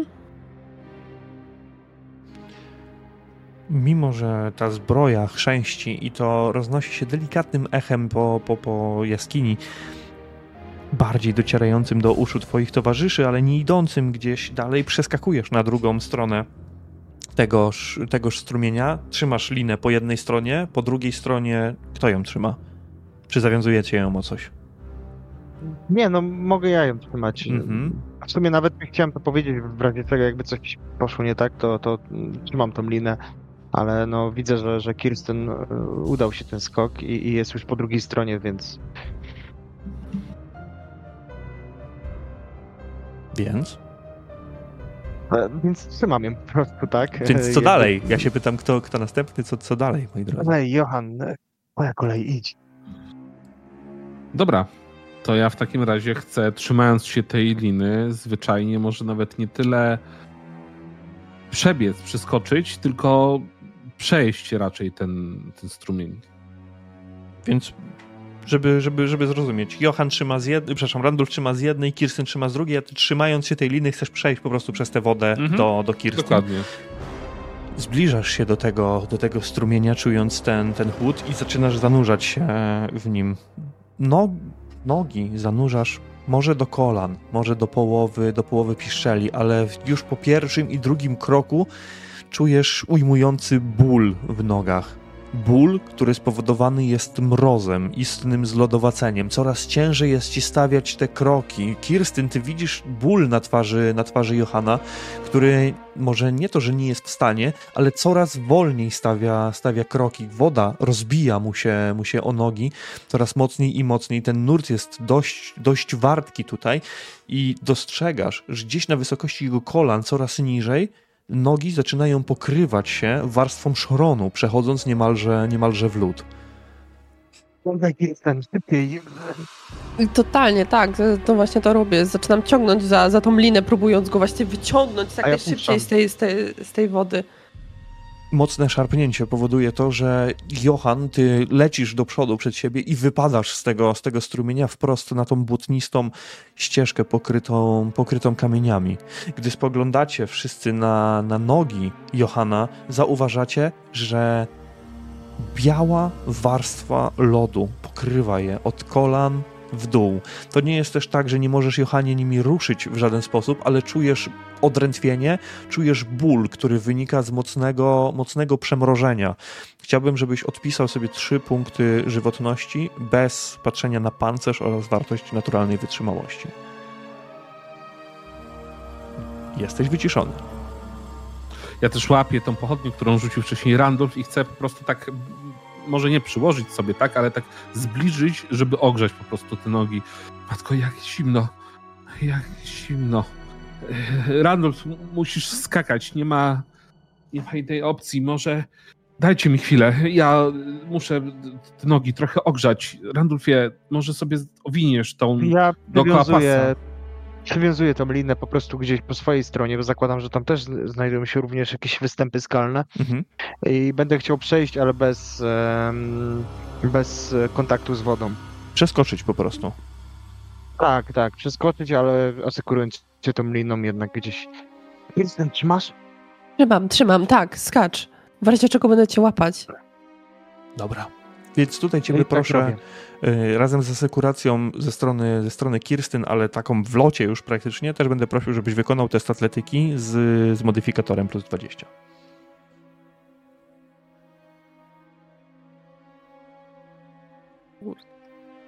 Bardzo ładny, bardzo ładny sukces, e, Randulfie. Przeskakujesz dość miękko i lądujesz przy, niemalże opadając na, na jedno kolano tuż przy, tuż przy Johanie, który ogrzewa teraz swoje, swoje nogi światłem pochodni.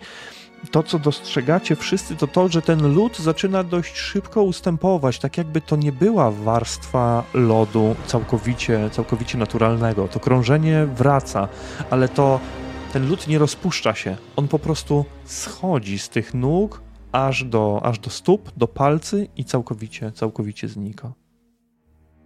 Po chwili wszystko jest dobrze. Ja odcinam ten kawałek liny, jakby. No nie zostawimy tu liny, którą potrzebujemy. Mhm. Jesteś gotowy, Johanie? Możemy ruszyć dalej? Tak, chyba tak. Ja nie chciałem skakać, bałem się, że, że się pośliznę, że, że wpadnę. Wol- Wolałem sta stabilnie przejść. Dobrze, że To jest po drugiej jed- stronie. Jedna rzecz, która z niewielu rzeczy, która mnie właśnie przeraża, to ta od, może nie otchłań, ale ten, ten prąd i ten żywioł. Dobrze, chodźmy, chodźmy.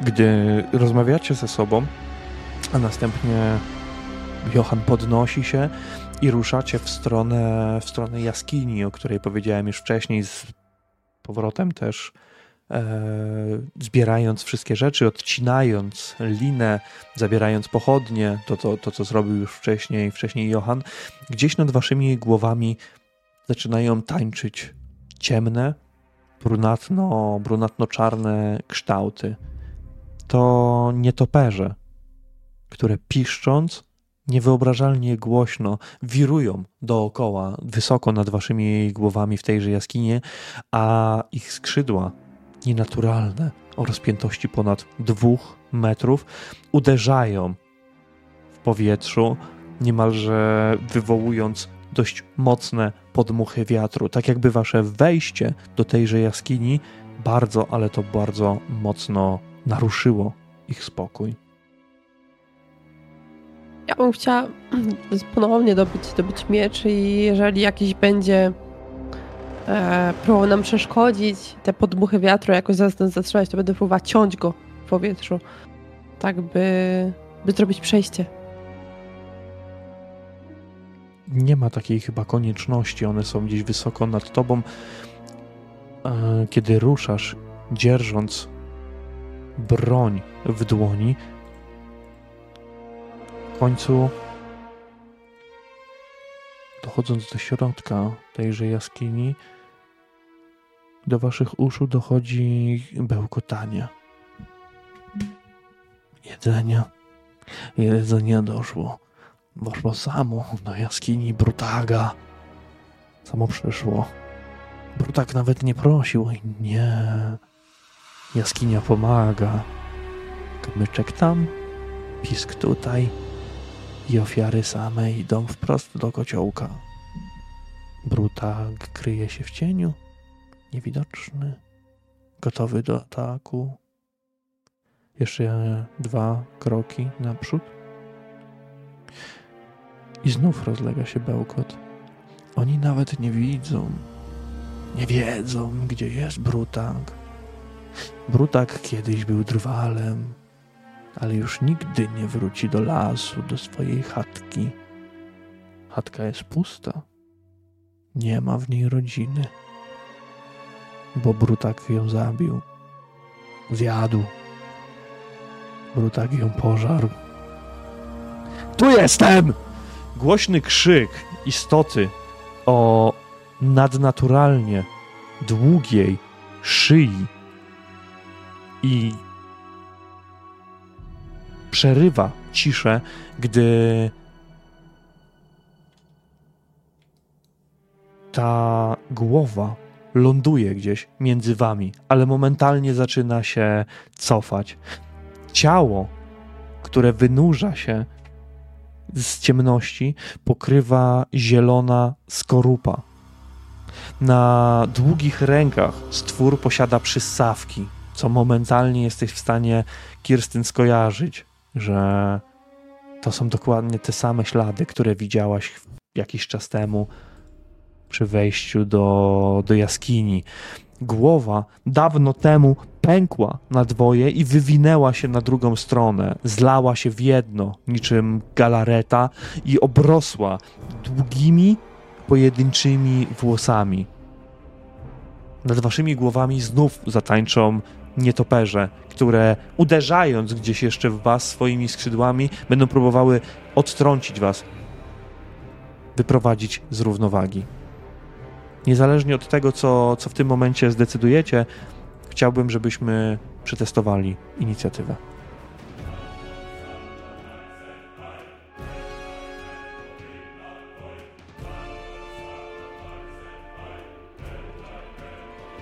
Dobrze.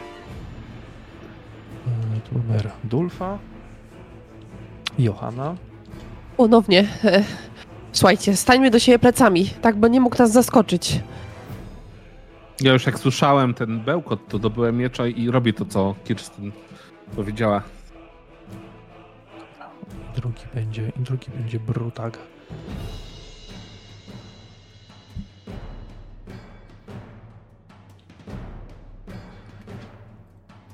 Randulfie, od ciebie tak naprawdę zaczniemy. Ten stwór ma bardzo długą głowę, którą, na bardzo, bardzo długą szyję, na, Mhm. na końcu której znajduje się głowa i to nią będzie próbował was zaatakować, może gdzieś nawet od flanki, ale widzisz tak, że wie, że w jego, w jego cielsku tkwi topór, który wrósł w jego ciało, a on w tym momencie jedną ze swoich macek wyrywa go praktycznie. Typowy taki drwalski, drwala e, topór, który służył mu prawdopodobnie jeszcze za normalnego życia i tym, tym toporem i ze swoim cielskiem będzie próbował podejść w waszą stronę. Jednakże głowa znajduje się gdzieś cały czas z boku. Twoja kolej, ty zaczynasz to starcie. A czy, a, i, czyli dosyć daleko, rozumiem, jest głowa, tak? Głowa jest dosyć daleko, tak. Bliżej jest tak naprawdę was korpus. No, Będę próbował go zaatakować. Dobrze. No jakby nie daje nam innej a, ewentualności. Mhm. Więc występujesz te kilka kroków naprzód i Tak, próbujesz go zaatakować. Rzucę, wiesz? Poczekaj jeszcze, daj, daj jemu rzucić, bo może być gorzej. Mhm. Ale jest lepiej, więc... Mhm.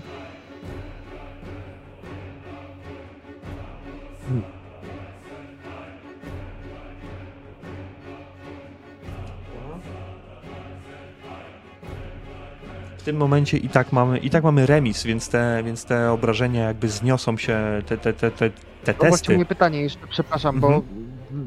bo rozumiem, że nie możemy tego potraktować jako szarże. Mm. Sumie moglibyśmy to potraktować jako, jako szarżę, On nie więc wtedy byś, wtedy, byś miał, wtedy byś miał dodatkowy modyfikator, więc naturalnie jestem, jestem w stanie przychylić się do twojej, do twojej prośby. To, to, nie wiem, czy to cokolwiek zmienia, bo jednak em, będę i tak mieć 65, ale Zmienia to Wolę to- naturalnie. Zmienia to naturalnie. Yy, wbijasz swój krótki miecz gdzieś w cielsko tego stwora, ale nie słyszysz ni to chrapnięcia, ni to, ni to odgłosu bólu, bardziej tylko bulgotanie wydobywające się z tego cielska, gdy wyciągasz ten miecz, który pokryty jest teraz zielono-czarną breją, a on, śmiejąc się, bulgocząc, będzie próbował oddać sobie, zaatakować ciebie. Mhm. Tylko ty masz teraz modyfikator plus 10.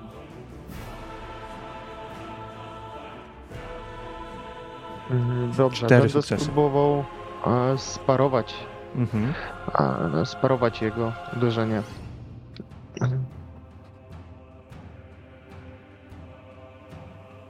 I przerzucę, przerzucę, no. Dobra.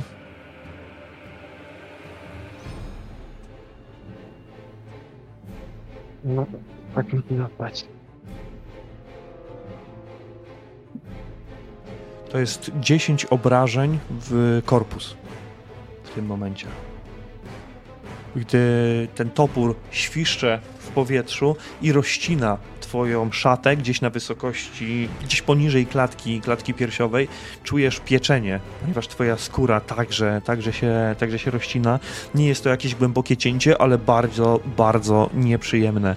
Takie, które będzie powodowało mm, bardzo irytujący rodzaj, rodzaj bólu. Tracisz swoją inicjatywę, on wchodzi na, na plus 10 w tym momencie. Johanie, widzisz od twojego boku tak naprawdę, że gdzieś ta jego szyja, prowadząc twarz, ten pysk, który rozdziera się na dwoje, będzie, będzie próbował może w następnej rundzie ciebie zaatakować, ale ty musisz zdecydować, czy bardziej wystąpisz przeciwko tej głowie, czy pomożesz Randulfowi w walce z korpusem. Mhm.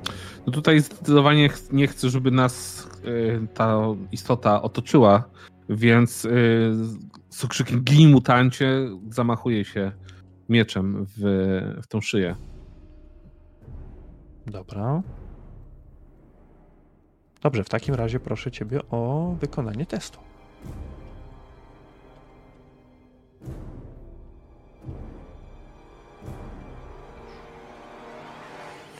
Nie, nie korzystamy tutaj z przewagi liczebnej, ale mamy, mamy za to sukces Twój w tym wypadku. Ja jeszcze rzucę sobie na jego, na jego unik.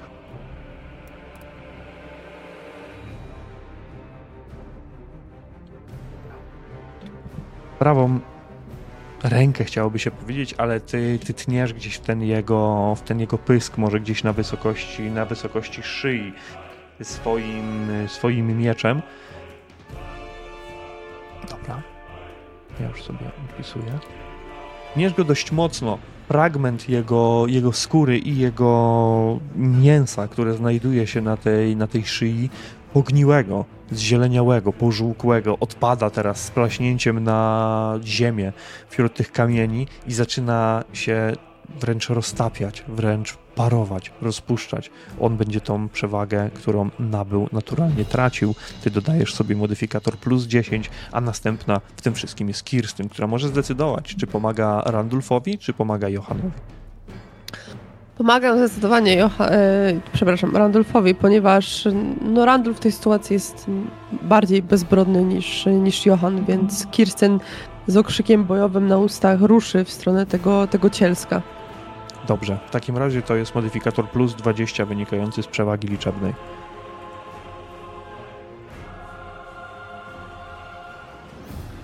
Krytyczna Przerzucam porażka. to. To już trzecia chyba. Druga. I to jest mój ostatni przerzut. Ty pomijasz pancerz, prawda? Tak, tak, naturalnie. Dobra. To jest 16, 16 punktów tak naprawdę. Że...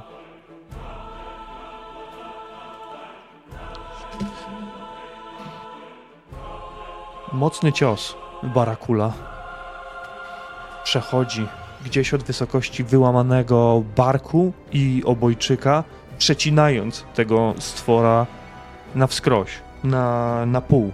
tak jak, tak jak stał. Rozwarstwia się to cielsko, głowa razem z szyją zostaje oddzielona od reszty ciała i upada dość mocno, z, z mocnym plaskiem na ziemię, gdy twój miecz, gdy barakul grzęźnie gdzieś na linii, na linii kręgosłupa. Kirstyn, musisz go cofnąć i poprawić jeszcze raz tym cięciem, praktycznie przepaławiając to stworzenie brutaga w pół. B Barakul pokryty jest tą czarno-zieloną mazią, która bardzo szybko z niego, z niego skapuje, jakby wyparowywała. Ona nie, nie koroduje, nie przeżera tego miecza, ale po prostu zanika, wyparowuje w miejscu, gdy przed tobą, gdy przed wami ścieli się trup tego stworzenia, tego mutanta.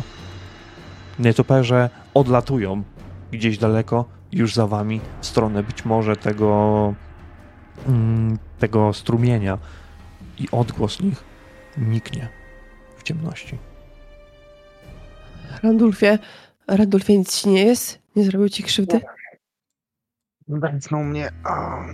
Poczekaj, może, może opatrzę na to na szybko. Zdecydowanie. Chciałbym dopaść do, do Randulfa. Yy, mamy jakieś szmatki, no bo już bandaże niestety nie się ma, skończyły. Nie, ja mam. Nie, ja mam bandaż. O, to daj Randulfie, mi się już skończyły. No mhm. i używając Czekaj, tego bandażu.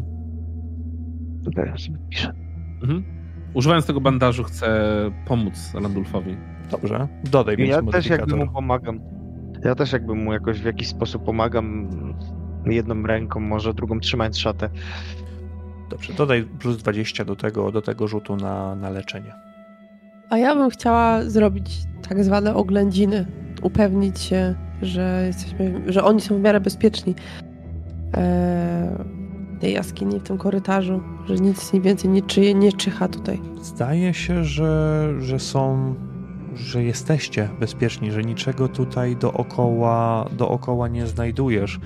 E, jeszcze raz tutaj chciałbym tylko, tylko powiedzieć, żebyś sobie dopisał te, te utracone punkty, punkty wytrzymałości wynikające z tego testu, testu leczenia.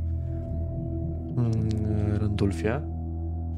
E, to jest, e, rozumiem, modyfikator punktów sukcesu, tak? Bo to jest plus Czy... 4 i jeszcze modyfikator, który będzie wynikał z tego, co ma tutaj Randulf, ale oczywiście wyleciało mi to z notatek, więc muszę tylko Bonus z wytrzymałości chyba, nie?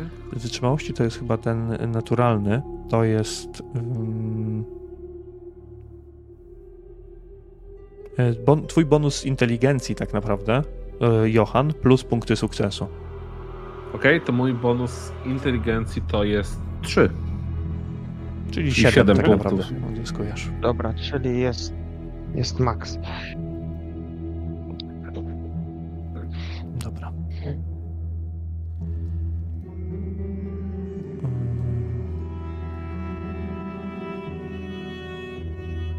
Dobra. No, Randulfie, może to nie wygląda, ale będziesz żył. No, no, no, dzięki. Dobra. Musisz poprawić mikrofon znowu, Kłapi. Dobra robota, dzięki Dużo lepiej. Kirstyn, wrócę do ciebie, bo ty dokonujesz oględzin tego, tego pomieszczenia. W grocie jest niczym w barłogu. Gdzieś przy ścianach znajdują się obgryzione, przełamane ludzkie kości, które pokrywa zielona maź. Grzyby rosną w tej części jakby przed wami dosłownie wszędzie, błyszcząc kolorem błękitu i zieleni. Wszędzie unoszą się te drobiny zarodników, także naturalnie sama z siebie, bez żadnej deklaracji, musisz zakryć praktycznie swoją twarz, kiedy, kiedy idziesz tamtędy. Przy jednej ze ścian kończących tę grotę nie, nie ma żadnego ujścia, nie ma wyjścia z tejże jaskini, ale spod ziemi wyrastają ukruszone, wątłe kamienne schody spiralne, które prowadzą ku górze. Zanikają one gdzieś w okolicach sufitu. Słuchajcie, znalazłam. Znalazłam schody na górę. Ja Znalazłam podaję Randolfowi rękę albo wspieram go jakoś, bo zakładam, że no, jak on opatrywał, no to nie jest to tylko jakiś tam usiadł, może oparł się o jedną ze ścian, więc po, pomagam wstać Randolfowi No dobrze, to co? Czas opuścić No te dobra. zatęchłe jaskinie. Chodźmy Tak, czym prędzej. zdecydowanie. Wydaje mi się, że i tak już dosyć wystarczająco czasu nam zajęło przeprawa przez, tę przez tą jaskinię. Pierwsze kroki na tych wątłych schodach upewniają was w przekonaniu, że każdy następny krok może być ukruszeniem całości tej konstrukcji, więc należy iść gęsiego. Szerokość tych schodów także na to, na to nie pozwala. Jednakże krok po kroku wspinacie się coraz wyżej i wyżej, aż nikniecie, nikniecie przy suficie tak naprawdę, a pomieszczenie na dole staje się już niewidoczne. I tak podróżujecie w górę przez kilka długich minut, aż w końcu schody nie kończą się żadnymi schodami, ale kończą się małym pomieszczeniem na planie kwadratu, w którym zmieścić się są w stanie może dwie osoby tak naprawdę. Jeżeli dwie pierwsze, dwie pierwsze z was osoby wejdą do tego pomieszczenia, to ta, która jest za wami, musi jeszcze poczekać na, na schodach i nie ma wyjścia. Kolejny raz to powtórzę w stylu drzwi prowadzącego z tego pomieszczenia. Jednakże w suficie nad wami znajduje się klapa. Johan, Johan, podsadź mnie. Tak. Jak najbardziej. Schylam się, złączam palce, no i będę próbował Kirsten podsadzić. Ja zostaję na tych schodach jeszcze. mm, Czekając jakby na, na to, co z tego wyjdzie. Dobrze. Kirsten, jak to widzisz? Widzę to w ten sposób, że Johan mnie podsadza. Ja tą klapę chcę podnieść po prostu i wczołgać się na górę, tak żeby no, d- d- być nad, nad nimi. Mhm. E, oczywiście rozejrzę się, czy jest bezpiecznie. Jak będzie, no to spuszczę linę po prostu i tak, żeby oni się mogli po niej wspiąć. Czy nawet wyciągnę, schylę się, wyciągnę rękę po prostu tak, żeby wciągnąć następną osobę. Dobra. Jak najbardziej. Johan podsadza cię, gdy ty popychasz klapę ku, ku górze i ona ustępuje bez żadnego, żadnego problemu, a ty czujesz, czujesz powietrze w miarę świeże, co oznacza, że jesteś na, na zewnątrz. Ale mimo wszystko otaczają cię jakieś ściany. Jesteś wewnątrz pomieszczenia, które rozpada się w oczach. Sufit jest dziurawy. Fragment ściany naprzeciwko ukruszył się do tego stopnia, że żeby wyjść z niego niepotrzebne są drzwi. To istne, istne ruiny tak naprawdę. Kiedyś może był tutaj jakiś magazyn bądź inna przybudówka. Teraz powiedziałem, że przez chwilę poczułaś świeże powietrze, na pewno świeższe niż to, co znajdowało się kilkadziesiąt metrów pod wami, bo do twoich nozdrzy dochodzi smród. Jest to siedliszcze czegoś śmierdzącego. Do twoich uszu docierają pomruki, rapanie, zdaje się ludzkie, oraz sapanie, które roznosi się pod, pośród ciemności, które przeplatane jest nie światłem słonecznym, ale jakby światłem mansliba, które pada przez zniszczoną ścianę wprost do tego pomieszczenia. Raptem jedna wiązka.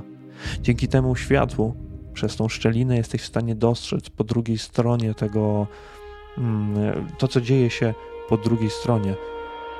I jest to coś w rodzaju dziedzińca, a także wysokich murów znajdujących się naprzeciwko i kilku wieżyczek, a także pomniejszych budynków do tego muru przylegających. Prawdopodobnie udało wam się dotrzeć, dotrzeć do którejś części zamku von Wittgenstein.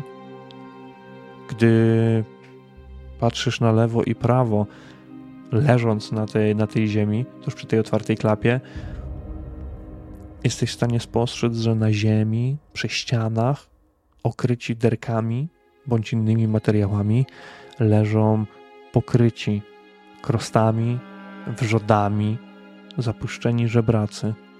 Ich ciała dawno już zmutowały, wykształcając dodatkowe ręce, dodatkowe nogi, a skóra pokryta jest różnymi torbielami i naroślami. Tak jakby zdają się ciebie kompletnie nie zauważać albo ignorować. Ja oczywiście nie jestem do nich wrogo nastawiona, jeżeli oni nie są do wrogo do mnie nastawieni, a gdy o, ignorują mnie, w takim razie wsadzam głowę do tej klapy. Tylko cicho. I, wycią wy wyciągam rękę w stronę, w stronę Johana, by ten mógł Randulfie, się po prostu jej chodź. chwycić. Chodź, ja podsadzę jeszcze Randulfa od spodu, ty go od góry złapiesz, on był ranny niedawno. No i dobra, to Randulfa. Mhm. Najpierw wciągnę Randulfa, Mhm. potem wciągnę Johana. Mhm. Naturalnie. Taki sam obraz maluje się przed waszymi oczami, kiedy, kiedy Kirsten wciąga najpierw jednego, potem, potem drugiego z was. Dobra. Udało się, jesteśmy na dziedzińcu. Teraz musimy spuścić liny dla, dla, dla reszty ludzi, tak żeby mogli, mogli się tutaj dostać. Co to za plugastwa? Dobrze, że są na razie spokojne, lepiej nie drażnić ich. Tak. Ja zamykam klapę za nami. Kiedy to Jeżeli- powiedziałeś, Johanie, nawet bardzo cicho, gdzieś w tym tle odpowiada ci głos mężczyzny. Na zamek przyszliśmy burzy spaczenia dwa lata temu. Szukaliśmy schronienia i ratunku. Nie jesteśmy plugawi. Gdzieś w blasku tego księżyca, co też was może zdziwić, Randulfie, Johanie, dostrzegacie, że mężczyzna, który do was przemawia, okryty jest derkami. Na jego czole wyrasta trzecie, trzecie oko, a on sam ściska ogryzionego do połowy zielonego ziemniaka, w którym znowu zatapia teraz jednego, jednego pożółkłego zęba. Mm, przykro mi, dobry człowieku, za to, co się ci przytrafiło. Nie martw się, niedługo twoje cierpienie się zakończy. Cierpienie? Dobrzy władcy wpuścili na zamek i zostawili. Dobra pani zabrała wielu do siebie, żeby życie odmienić, ale w końcu przestała to robić. Dostałem dowód miłości pani. Wyciąga tego ziemniaka w powietrze. Pewnego dnia wyzna mi swoją miłość i zamieszkamy wszyscy razem na górnym zamku. W domu pani zbawienia, która czeka na nas za mostem. Tylko szczęśliwcy mogą żyć u boku pani. Tam wszystko jest piękne i cudowne. Kiedyś, kiedyś wszyscy siądziemy u boku naszej pani, a nasze życie będzie radosne i piękne. Ja bym chciał półgębkiem rzucić tylko do Kirsten. Chodź stąd, nie prowokujmy ich.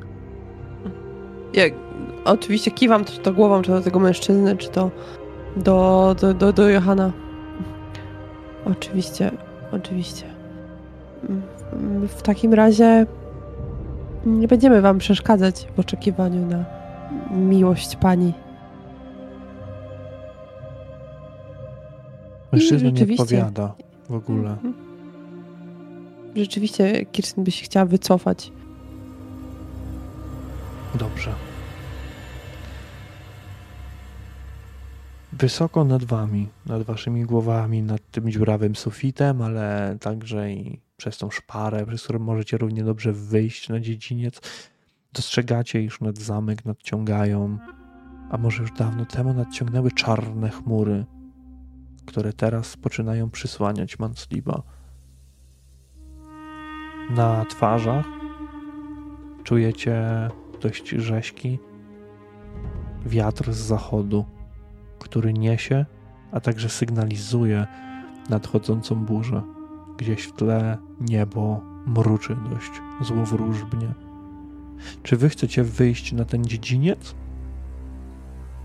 Tak, myślę, że tak, a gdzieś... Ja, ja myślę, że najpierw chciałbym się rozejrzeć, jak, jaki jest rozkład tego dziedzińca i, i gdzie znajduje się brama, nim wyjdziemy w ogóle, żeby jednak e, spróbować znaleźć e, drogę, która mm, no, będzie jak najmniej nas, e, na nas rzucać jakikolwiek nie, wzrok, którego byśmy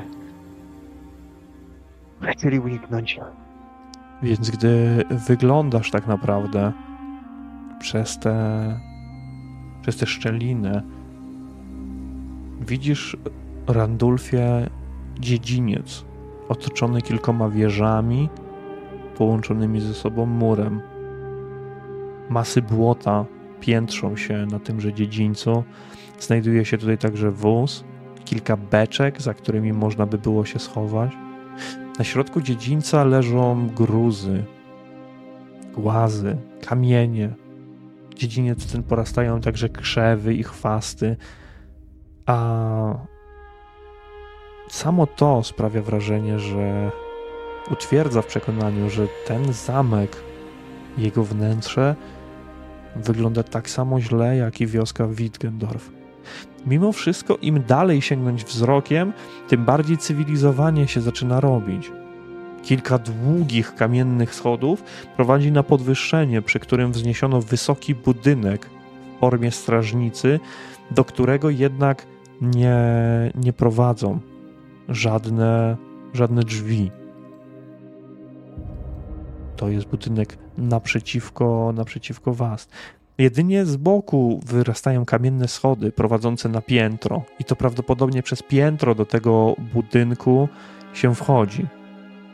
Naprzeciwko tego budynku ustawiono dużą, półokrągłą, okrągłą wręcz basztę. Przy murze, przy murach przyklejone są budynki stajenne, wyglądające na wozownie, a także kuźnia, która jest w upłakanym stanie, rozpada się. Wszędzie, oprócz tego rześkiego wiatru, który teraz przedmuchuje tą zgniliznę, unosi się smród rozkładu, a ściany zdają się być wręcz pokryte, oblepione brudem, mchem oraz pleśnią. Oprócz schodów na mury, wyjścia z tej części zamku zdają się być dwa. Po waszej lewej stronie rysuje się główna brama, wzmocniona dwiema dużymi wieżami obronnymi oraz analogiczna brama znajdująca się u szczytu schodów tych kamiennych. Przed wami prowadząca prawdopodobnie z tego co mówiła Zigrid na zamek górny za pomocą zawieszonego mostu. A dostrzegacie to, ponieważ brama ta jest otwarta, a z obu stron ramiona tego mostu są zamknięte i można by przedostać się na prawdopodobnie zamek górny tą właśnie, tą właśnie drogą. Przy budynku stajennym, który tutaj na potrzeby Was powiem, że oznaczony jest numerkiem numer 6, kręci się pogwizdując mężczyzna który w tejże półciemności praktycznie świeci zieloną poświatą. Jego ręce długie są aż do kolan, nadnaturalne. Przy drugim budynku stajennym, przy siódemce, drzwi w tym momencie zamykają dwaj ubrani w czarne liberie słudzy. Jednemu z nich wyrosła trzecia ręka, a drugi powłóczy nogami, szurając w błocie, ponieważ jego stopy odwróciły się nienaturalnie do tyłu. Oprócz tego, ani na murach, ani na dziedzińcu nie dostrzegacie żadnych, ale to żadnych strażników. Niemniej Słuchajcie. jednak nie oznacza to, że ich tu nie ma. Słuchajcie. Nie wiem, to. Ja wiem, że, że to mutanci, ale. No niewinni. Nie możemy ich przecież zamordować. Kirsten, Musimy ich jakoś obejść. Odwrócić uwagę. Jeżeli chodzi o zabijanie mutantów, im już nie można pomóc. Natomiast póki co skupmy się na wykonaniu zadania. Jeżeli musimy to zrobić po cicho, później będziemy się martwić, co z nimi, co z nimi zrobić. Niestety chyba nic oprócz ognia nie możemy im zaoferować, ale to później. Ale trzeba odwrócić uwagę tego przy, przy stajni. Tamtego.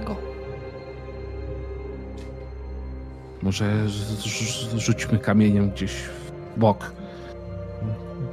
Się zainteresuje, pójdzie, da nam to możliwość przemknąć. Poczekajcie. Czekajcie, mam pomysł. I no rzeczywiście chciałabym znaleźć właśnie jakiś kamień. Mhm. Mm, i rzucić yy, i rzucić tym kamieniem właśnie jakoś tak w stronę tego kopca może na środku, co jest z kamieni? Wiecie, wychodzi na to, że by dostać się na mury, musimy wejść wyżej. Może jeżeli pójdziemy wzdłuż tego budynku tutaj, nie zobaczy nas. Stajnia jest jednak kawałek. Ale wiesz, możemy przejść obok stajni i dalej do bramy i stamtąd wyjść. A jeśli ktoś tam jest, najpierw dostańmy się do samej stajni i ukryjmy się za nią. Może to nam da nam lepszy pogląd na to, jak tutaj e, wygląda reszta zamku. No dobrze, no dobrze, no to chodźmy. Więc nie rzucasz, rezygnujesz z tego, z tego pomysłu, jak rozumiem. Więc nie rzucam. Dobrze. Wychodzicie przez tę przez tę wyrwę w murze na dziedziniec, wpadając w błoto, które miejscami sięga niemalże, niemalże kostek. Odgłos chrzęstu zbroi tłumi pierwszy grzmot, który roznosi się gdzieś dookoła, a w tym momencie wszyscy, którzy byli na dziedzińcu, spoglądają gdzieś w tamtą stronę. Wy zamieracie na chwilę, bo nie wiadomo, czy nie odwrócą głów w waszą, w waszą stronę. Zbliżacie się coraz bliżej budynku, budynku stajennego. Mężczyzna, który znajdował się, znajdował się przy nim i pogwizdywał, teraz jakby zagęścił swoje ruchy, słysząc nadchodzącą burzę, a następnie otwierając jedno ze, ze skrzydeł stajennych, wszedł do środka, znikając wewnątrz i zamknął je za sobą. Zasunął bardziej. A wy przylgnęliście po chwili do, do muru stajni. Dobra. Dobra. Nie musimy teraz wchodzić do stajni. Możemy ruszyć dalej. Chodźcie. Słuchajcie, rozumiem, że tam, gdzie stoimy teraz, są schody na górę. Tak, obok ciebie znajdują się schody na górę, schody prowadzące na, na mur. No to Ja pokazuję palcem. Pokazuję właśnie palcem na te schody i że tam powinniśmy się udać, że nie ma sensu iść dziedzińcem aż do, do samej bramy, tylko spróbować dostać się na mur i, i tam wypatrywać czegoś. naturalnie. Tam, tam skieruje Kirsten swoje, swoje kroki.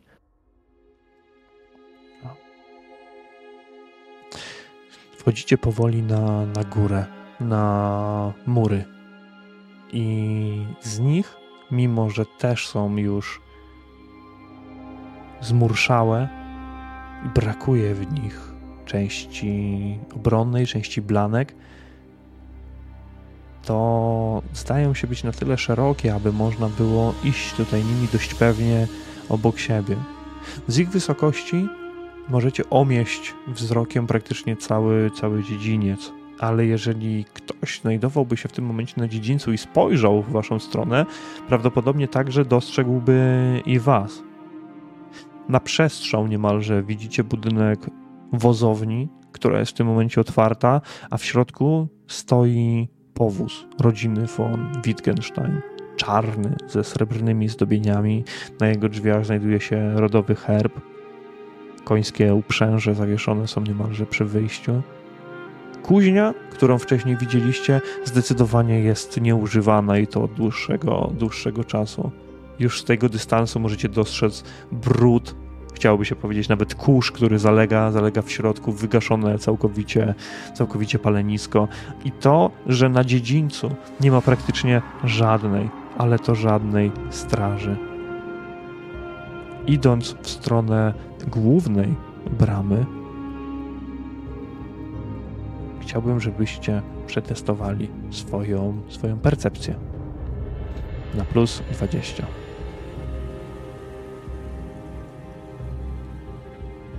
W końcu. Dobra. Ja potrzebuję chwili, bo mi coś tutaj karta nie zadziałała. Jasne. E, percepcja y, 20. Mhm. Mamy krytyczny sukces ze strony ze strony Kirsten. Kirsten. Ponad bramą główną, bo do niej się zbliżacie, po obu jej stronach wznoszą się dwukondygnacyjne wieże, baszty okrągłe. Same bramy, choć drewniane, okute są wzmocnionymi żelaznymi płytami umocowanymi za pomocą dużych czarnych nitów wykonanych z żelaza. Brama od wewnątrz zabarykadowana jest za pomocą dużej belki i ciężko byłoby ją podnieść. Prawdopodobnie, jeżeli byście chcieli, musielibyście to zrobić we trójkę. Do środka jednak prowadzą zarówno drzwi, znajdujące się w każdej z wież na poziomie parteru, ale także i drzwi mm, znajdujące się na murach, niemalże na, naprzeciwko, naprzeciwko was.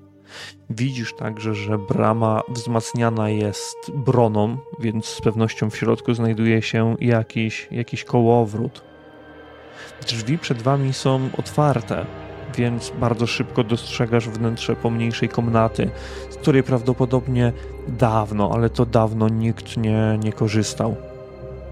Niemniej jednak jest coś, co może budzić grozę, choćby przez chwilę, ponieważ na stojakach pod ścianami tego pomieszczenia zawieszono cztery ciężkie, nieporęczne kusze z kołczanami, z których niemalże bełty dość duże wysypują się. Na samej podłodze zalega spora warstwa kurzu. Na środku jednak ustawiono drabinę prowadzącą na, na piętro przez otwartą, otwartą klapę. A do Twoich uszu dzięki takiemu sukcesowi dochodzi jeszcze coś. Dochodzi, dochodzą odgłosy śmiechu, odchodzą, dochodzą odgłosy złości, tak jakby ktoś gdzieś, może nad wami, może gdzieś w tej baszcie, ku waszemu szczęściu miast zajmować się patrolowaniem, zajął się grą w kości, zajął się czystym hazardem.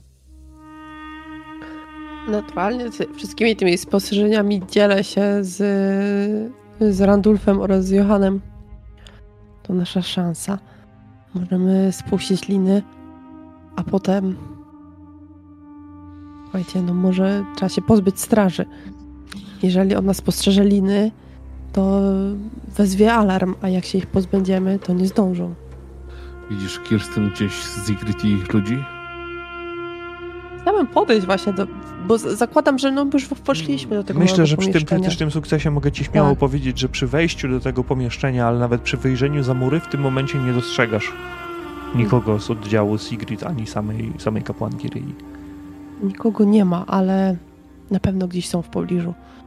Słuchajcie, Może jak musimy zobaczą iść, liny, iść. to podejdą i Na wtedy pewno. przyjmiemy Na pasztę. pewno. I teraz trzeba się pozbyć strażników, żeby ich nie wypatrzyli przypadkiem, jak będą się podkradać tutaj.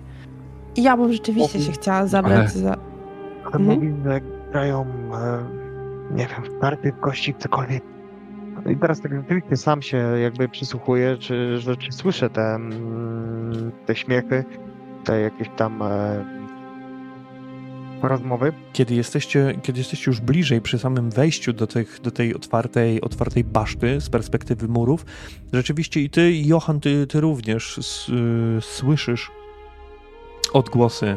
Może nie dobrej zabawy, ale takiej zabawy, która może się w każdej chwili przerodzić w bijatykę, bo to są już wyzwiska, to jest już agresja, to jest już wyzywanie kogoś i oszczerstwa o naturze oszukiwania niemalże tę grę. Dobrze, zaraz się, zaraz się, zaraz się będą strzelać po mordach i to będzie nasza okazja. Nie będą się spodziewać. Więc bierzmy się do roboty. Przywiążmy te liny, a potem chodźmy ich. Działaj. Działajmy. I ja tak, rzeczywiście od, odpinam gdzieś linę ze swojego nie wiem, pasa, czy gdziekolwiek ją miałam i zaczynam ją przywiązywać tak, żeby ona mogła yy, bezpiecznie za, za, się, się napiąć, żeby ktoś mógł się wspiąć po, po murach, a następnie dobywając miecza będę się chciała podkraść do tego pomieszczenia, skąd, yy, skąd dobywają głosy. Ja bym powiedział, że każdy z nas e, robi to z tą liną. Tak, ja bo myślę, że tak, jak najbardziej, żeby Ale były te stanowiska gdzieś do, do jakiejś spinatki ewentualnej. Dobra. W porządku.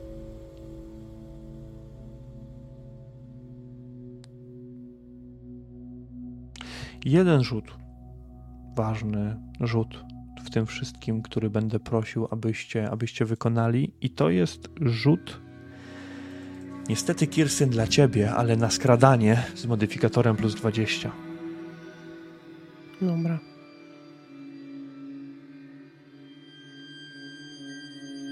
Może no bohater. dobrze.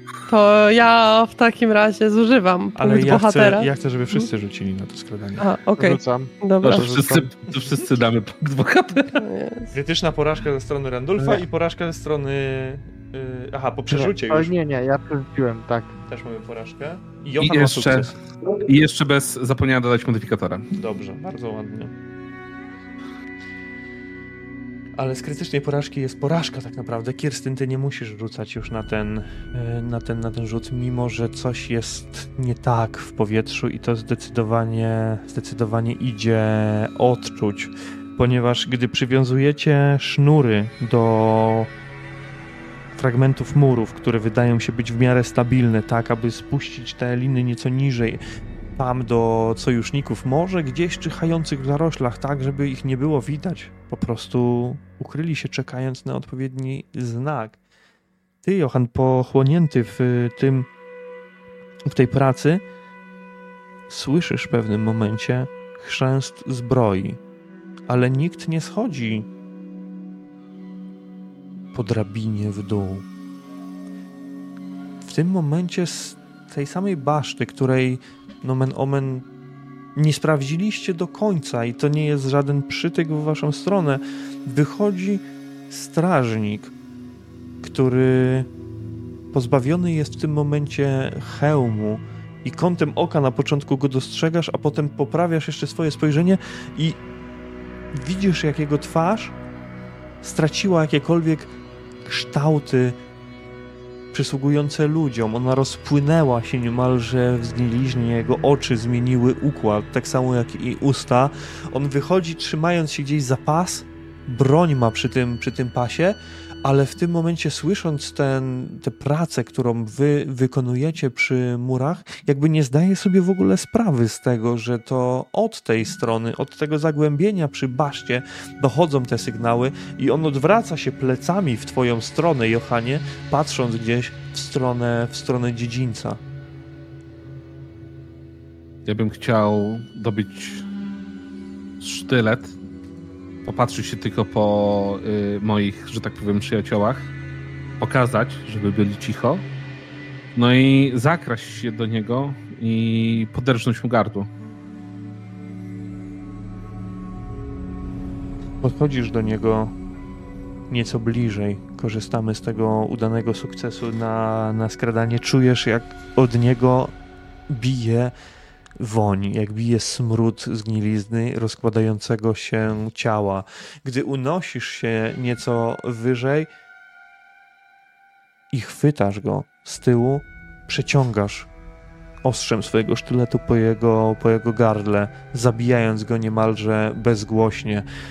Twojej decyzji jednak muszę zostawić to, czy złapiesz go mimo wszystko za to paskudne uzbrojenie, umundurowanie, które wydaje się być miękkie, wydaje się być przeżarte przez zgniliznę, czy pozwolisz mu spaść gdzieś na budynek stajni, w którym prawdopodobnie znajduje się mężczyzna wspomniany wcześniej. Nie. Na pewno ignorując taki, z takim grymasem na, na twarzy łapie go właśnie, żeby on nie spadł, wiedząc, że to jest mutant. Ono to jest stworzenie chaosu, ono jest za bardziej blisko mnie niż powinno być. Natomiast jestem gotowy, żeby no, poczuć się niekomfortowo, żeby nasza misja się powiodła, więc jak najbardziej go łapię i, i chcę go tak kilka kroków do tyłu położyć na tym, na tym murze. Albo może nawet e, bardziej, nie wiem, przerzucić go przez mur na, na zewnątrz, Na drugą stronę. ciała. Tak, Rozumiem. Posoka. Krwisto czarna, krwisto ametystowa zaczyna spływać po jego podrażniętym gardle wprost na zbroję, gdy zaczynasz przeciągać go coraz bliżej, coraz bliżej swoich towarzyszy, którzy kończą wiązanie lin na murach, a następnie przewijasz tego, tego mężczyznę przez te mury i spoglądasz tylko, jak leci on w dół przez kilkanaście metrów, a następnie uderzając swoim ciałem o skały, rozbija się niemalże o nie, tworząc istną, paskudną mozaikę. Co robi reszta? Robota. I zauważyłem go. Tak samo. No teraz czym prędzej za- trzeba się zająć resztą. I Kirsten też dobywa miecza, ale też jakoś tak w takim mm, przykucu, coś takiego.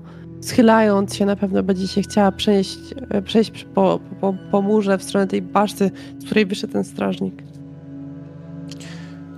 Dobrze, Kirsten. Wchodzisz do środka, do tego, do tego pomieszczenia, które znajduje się na wprost ciebie. To, które widziałaś już wcześniej, które przypomina pomniejszą zbrojownię tej, w tej baszcie. Ciężkie kusze, bełty wysypujące się na ziemię, spora warstwa kurzu, ale także dalej, to czego nie było widać wcześniej, niedaleko drzwi znajdujących się naprzeciwko, znajduje się biurko. Biurko, za którym jeszcze chwilę temu ktoś siedział, ponieważ krzesło jest odsunięte w, w bok. Hełm, stary, zdezelowany, leży na, leży na, tymże, na tymże biurku. Jest przewrócony na bok. Prawdopodobnie ten strażnik nie zdążył, może nie chciał nie myślał o zagrożeniu, nie chwycił go i nie założył na, na swoją głowę. Ale teraz doskonale słyszysz niemalże uderzenia desek znajdujących się ponad tobą, bo ta konstrukcja wewnątrz jest drewniana i słyszysz tupanie wściekłych strażników na siebie nawzajem, którzy uderzają tylko pięściami o stół. Koniec tej gry! Wystarczy już tego. Tam są też, tam jest drabina, czy są schody Drabina. baszcie? Drabina jest? Okej. Mhm. Mm, no dobra, no to będę się chciała, ch- chcę w takim razie gdzieś się przyczaić i zobaczyć, czy będą schodzić, czy co oni będą robić. Czy my ruszyliśmy za Kirsten tylko, bo w sumie tego nie określiliśmy? To pytanie do was. Ja nie decyduję za was w tym momencie. Ja też zdobywam broni i chciałbym wejść też do basty, z tym, że jakby nie zwracając uwagi na drabinę, tylko nie dać się już tym razem zaskoczyć jakby z tej drugiej baszty, Mhm. e, gdzieś ukryć się za przejściem, które, które do niej prowadzi Dobra. mm, i obserwować ten, ten... Jeżeli już przywiązaliśmy te, te liny, no to ja też oczywiście ruszę za towarzyszami i jak Kirsten się ustawia gdzieś tam po jednej stronie tej drabiny, będąc właściwie w gotowości, no to ja chcę po drugiej, żeby go z dwóch stron w razie czego jej wziąć. Strażnicy mimo wszystko rozchodzą się po tym piętrze nad wami. Słyszycie deski, które uginając się pod ich ciężkimi butami zaczynają skrzypieć i to niesie się echem, ale w końcu, w końcu cichnie i teraz tylko uderzenia tych podkutych butów prowadzą po, po czymś kamiennym, prawdopodobnie po, po jakimś rodzaju dobudówki. Może to nie jest Gdanisko, ale może to, to jest prawdopodobnie jedna z baszt, która jest wysunięta ponad, ponad mury i zakrzywiona w kształcie, w kształcie litery, litery L prowadzącej jeszcze dalej poza, poza mury zamku. Nikt jednak nie schodzi tutaj na dół do was, Kirsten. Dobra, słuchajcie. Wejdę na górę, a wy za mną, co? Jestem z tobą. No i ja zacznę wchodzić w takim razie tak na początku dosyć niepewnie, jakby z każdym krokiem zatrzymując się, nasłuchując, czy, czy przypadkiem to nie wzbudza jakiegoś zainteresowania, ale jeżeli nie, no to będę wchodziła dalej. Oczywiście zanim nie wejdę tak po prostu, najpierw delikatnie wysunę głowę, sprawdzając, czy pomieszczenie jest bezpieczne. Jeżeli tak, to dam znać yy, reszcie. No Ja na pewno poczekam, aż Kirsten zejdzie, bo patrząc na ten zamek, jak wygląda, w jakim jest stanie, ta drabina może być w podobnym, więc lepiej nie ryzykować we dwójkę wchodzić, więc jak czekam na Kirsten. Dobra. Kirstyn, wchodzisz nieco wyżej po tej, po tej drabinie i pierwsze co zauważasz to analogiczne pomieszczenie. Może nie jest to jakaś mini zbrojownia, ale pomieszczenie, w którym strażnicy zwykli odpoczywać. Na górze znajduje się kilka krzeseł oraz stół, przy, na którym rozłożone są kości. Może leży tam kilka, kilka brązowych pensów. Nie ma już tutaj żadnego ze strażników. Widzisz tylko otwarte drzwi po prawej stronie oraz wnętrze następnego, następnego pomieszczenia, dużego pomieszczenia z kołowrotem. O tym, którym wcześniej wspomniałem, który prawdopodobnie służy do opuszczania i podnoszenia brony znajdującej się w bramie. Już tutaj, kiedy tylko wystawiasz głowę, widzisz, że w tamtym pomieszczeniu znajdują się stojaki, o które oparte jest kilkadziesiąt włóczni. Ale to są ciężkie włócznie, które służą do obrony, do ciskania z murów y, zamku. W podłodze znajduje się masa dziur obronnych, przez które prawdopodobnie te, te włócznie można ciskać przeciwników. Dodatkowo w tymże pomieszczeniu znajdują się także dwa wielkie, ciężkie kotły z wklęsłą posadzką dookoła nich i tylko możesz się domyślać, co mogłoby się w nich znajdować w fazie otwartej obrony. Tuż pod nimi znajduje się wypust prowadzący pod bramę. Czy to wrzący olej, który wylewano kiedyś na atakujących i co mogłoby się stać ze szturmującymi zamek ludźmi oddziału Zigrid. To już inna, inna sprawa. To widzisz na razie, kiedy tylko wystawiasz głowę. Wychodzę w takim razie cała i chcę się właśnie schować za jakimś stołem. Coś takiego, gdzie nie, nie rzucać się w oczy, ale oczywiście pokażę, że jest dobrze. Wchodzę wtedy. Wchodzicie. Najpierw jeszcze Johan, potem, potem Randulf. Odgłosy kroków ucichły praktycznie całkowicie. Gdy Kirstyn, zamierzasz robić coś jeszcze w tym pomieszczeniu, czy przechodzisz do tego następnego? Mm, nie, może nie przechodzę, ale na pewno zbliżę się do tamtego pomieszczenia, nasłuchując, jeżeli jestem w stanie wyjrzeć delikatnie, to, to, to, to zrobię. Będę stała na czatach, tak kontrolując sytuację. Mhm. Kilkadziesiąt metrów poza główną zamkową bramą wysunięta jest wieża strażnicza, o której mówiłem wam wcześniej i prowadzi do niej długi, długi korytarz kamienny, ponieważ z zamkiem łączy ją długi mur. Taki zabieg często stosuje się po to, aby obrońcy mogli strzelać w plecy każdemu, kto zbliży się do bram zamku. Teraz, jeśli w ogóle wcześniej tego nie wiedzieliście, chociaż wątpię, zdajecie sobie pełną świadomość z faktu, dlaczego szturm na zamek z garstką żołnierzy Zigrid odrzucała od samego początku. Wieża na samym końcu jednakże nie jest pusta. To w tej wieży znajduje się czwórka czwórka strażników, którzy teraz rozglądają się dookoła, przeczesując teren, a wy, będąc w tym korytarzu niemalże, czy też wyglądając przez niego, jesteście w stanie spojrzeć w bok na liny, które przywiązaliście. I tak naprawdę ci strażnicy, którzy tam się znajdują, którzy znajdują się w tej wieży, mają w tym momencie idealne patrzenie na to, jeżeli ktoś chciałby wspinać się po, tym, po tej linie wprost na mury. I chciałbym, żebyśmy przemyśleli sobie plan działania, tego, co podejmiecie, jakie kroki podejmiecie dalej, ale chciałbym, żebyście przemyśleli to już w przerwie pomiędzy tą a następną sesją. W tym momencie sobie zakończymy nasze dzisiejsze spotkanie ze względu też na Twoją prośbę, Ruda. Dziękuję Wam bardzo serdecznie za ten czternasty odcinek Śmierci na rzece Lake. Dziękuję bardzo. Dzięki. Dzięki wielkie. No jak to wpadamy tam na pełnej, no co to? No, Mam nadzieję, że... Tak, plan, jak Tony Stark powiedział, I have a plan, a tak. Dokładnie. Będziecie No. musieli przemyśleć, co tam, co tam chcecie zrobić, jak to, ma, jak to ma wyglądać i tak naprawdę będziemy zbliżać się już ogromnymi krokami do, do finału Śmierci Nożyce Rake i do następnego rozdziału wewnętrznego wroga. Mam nadzieję, że dzisiejsza sesja, choć nieco krótsza, to mimo wszystko wam się, wam się podobało.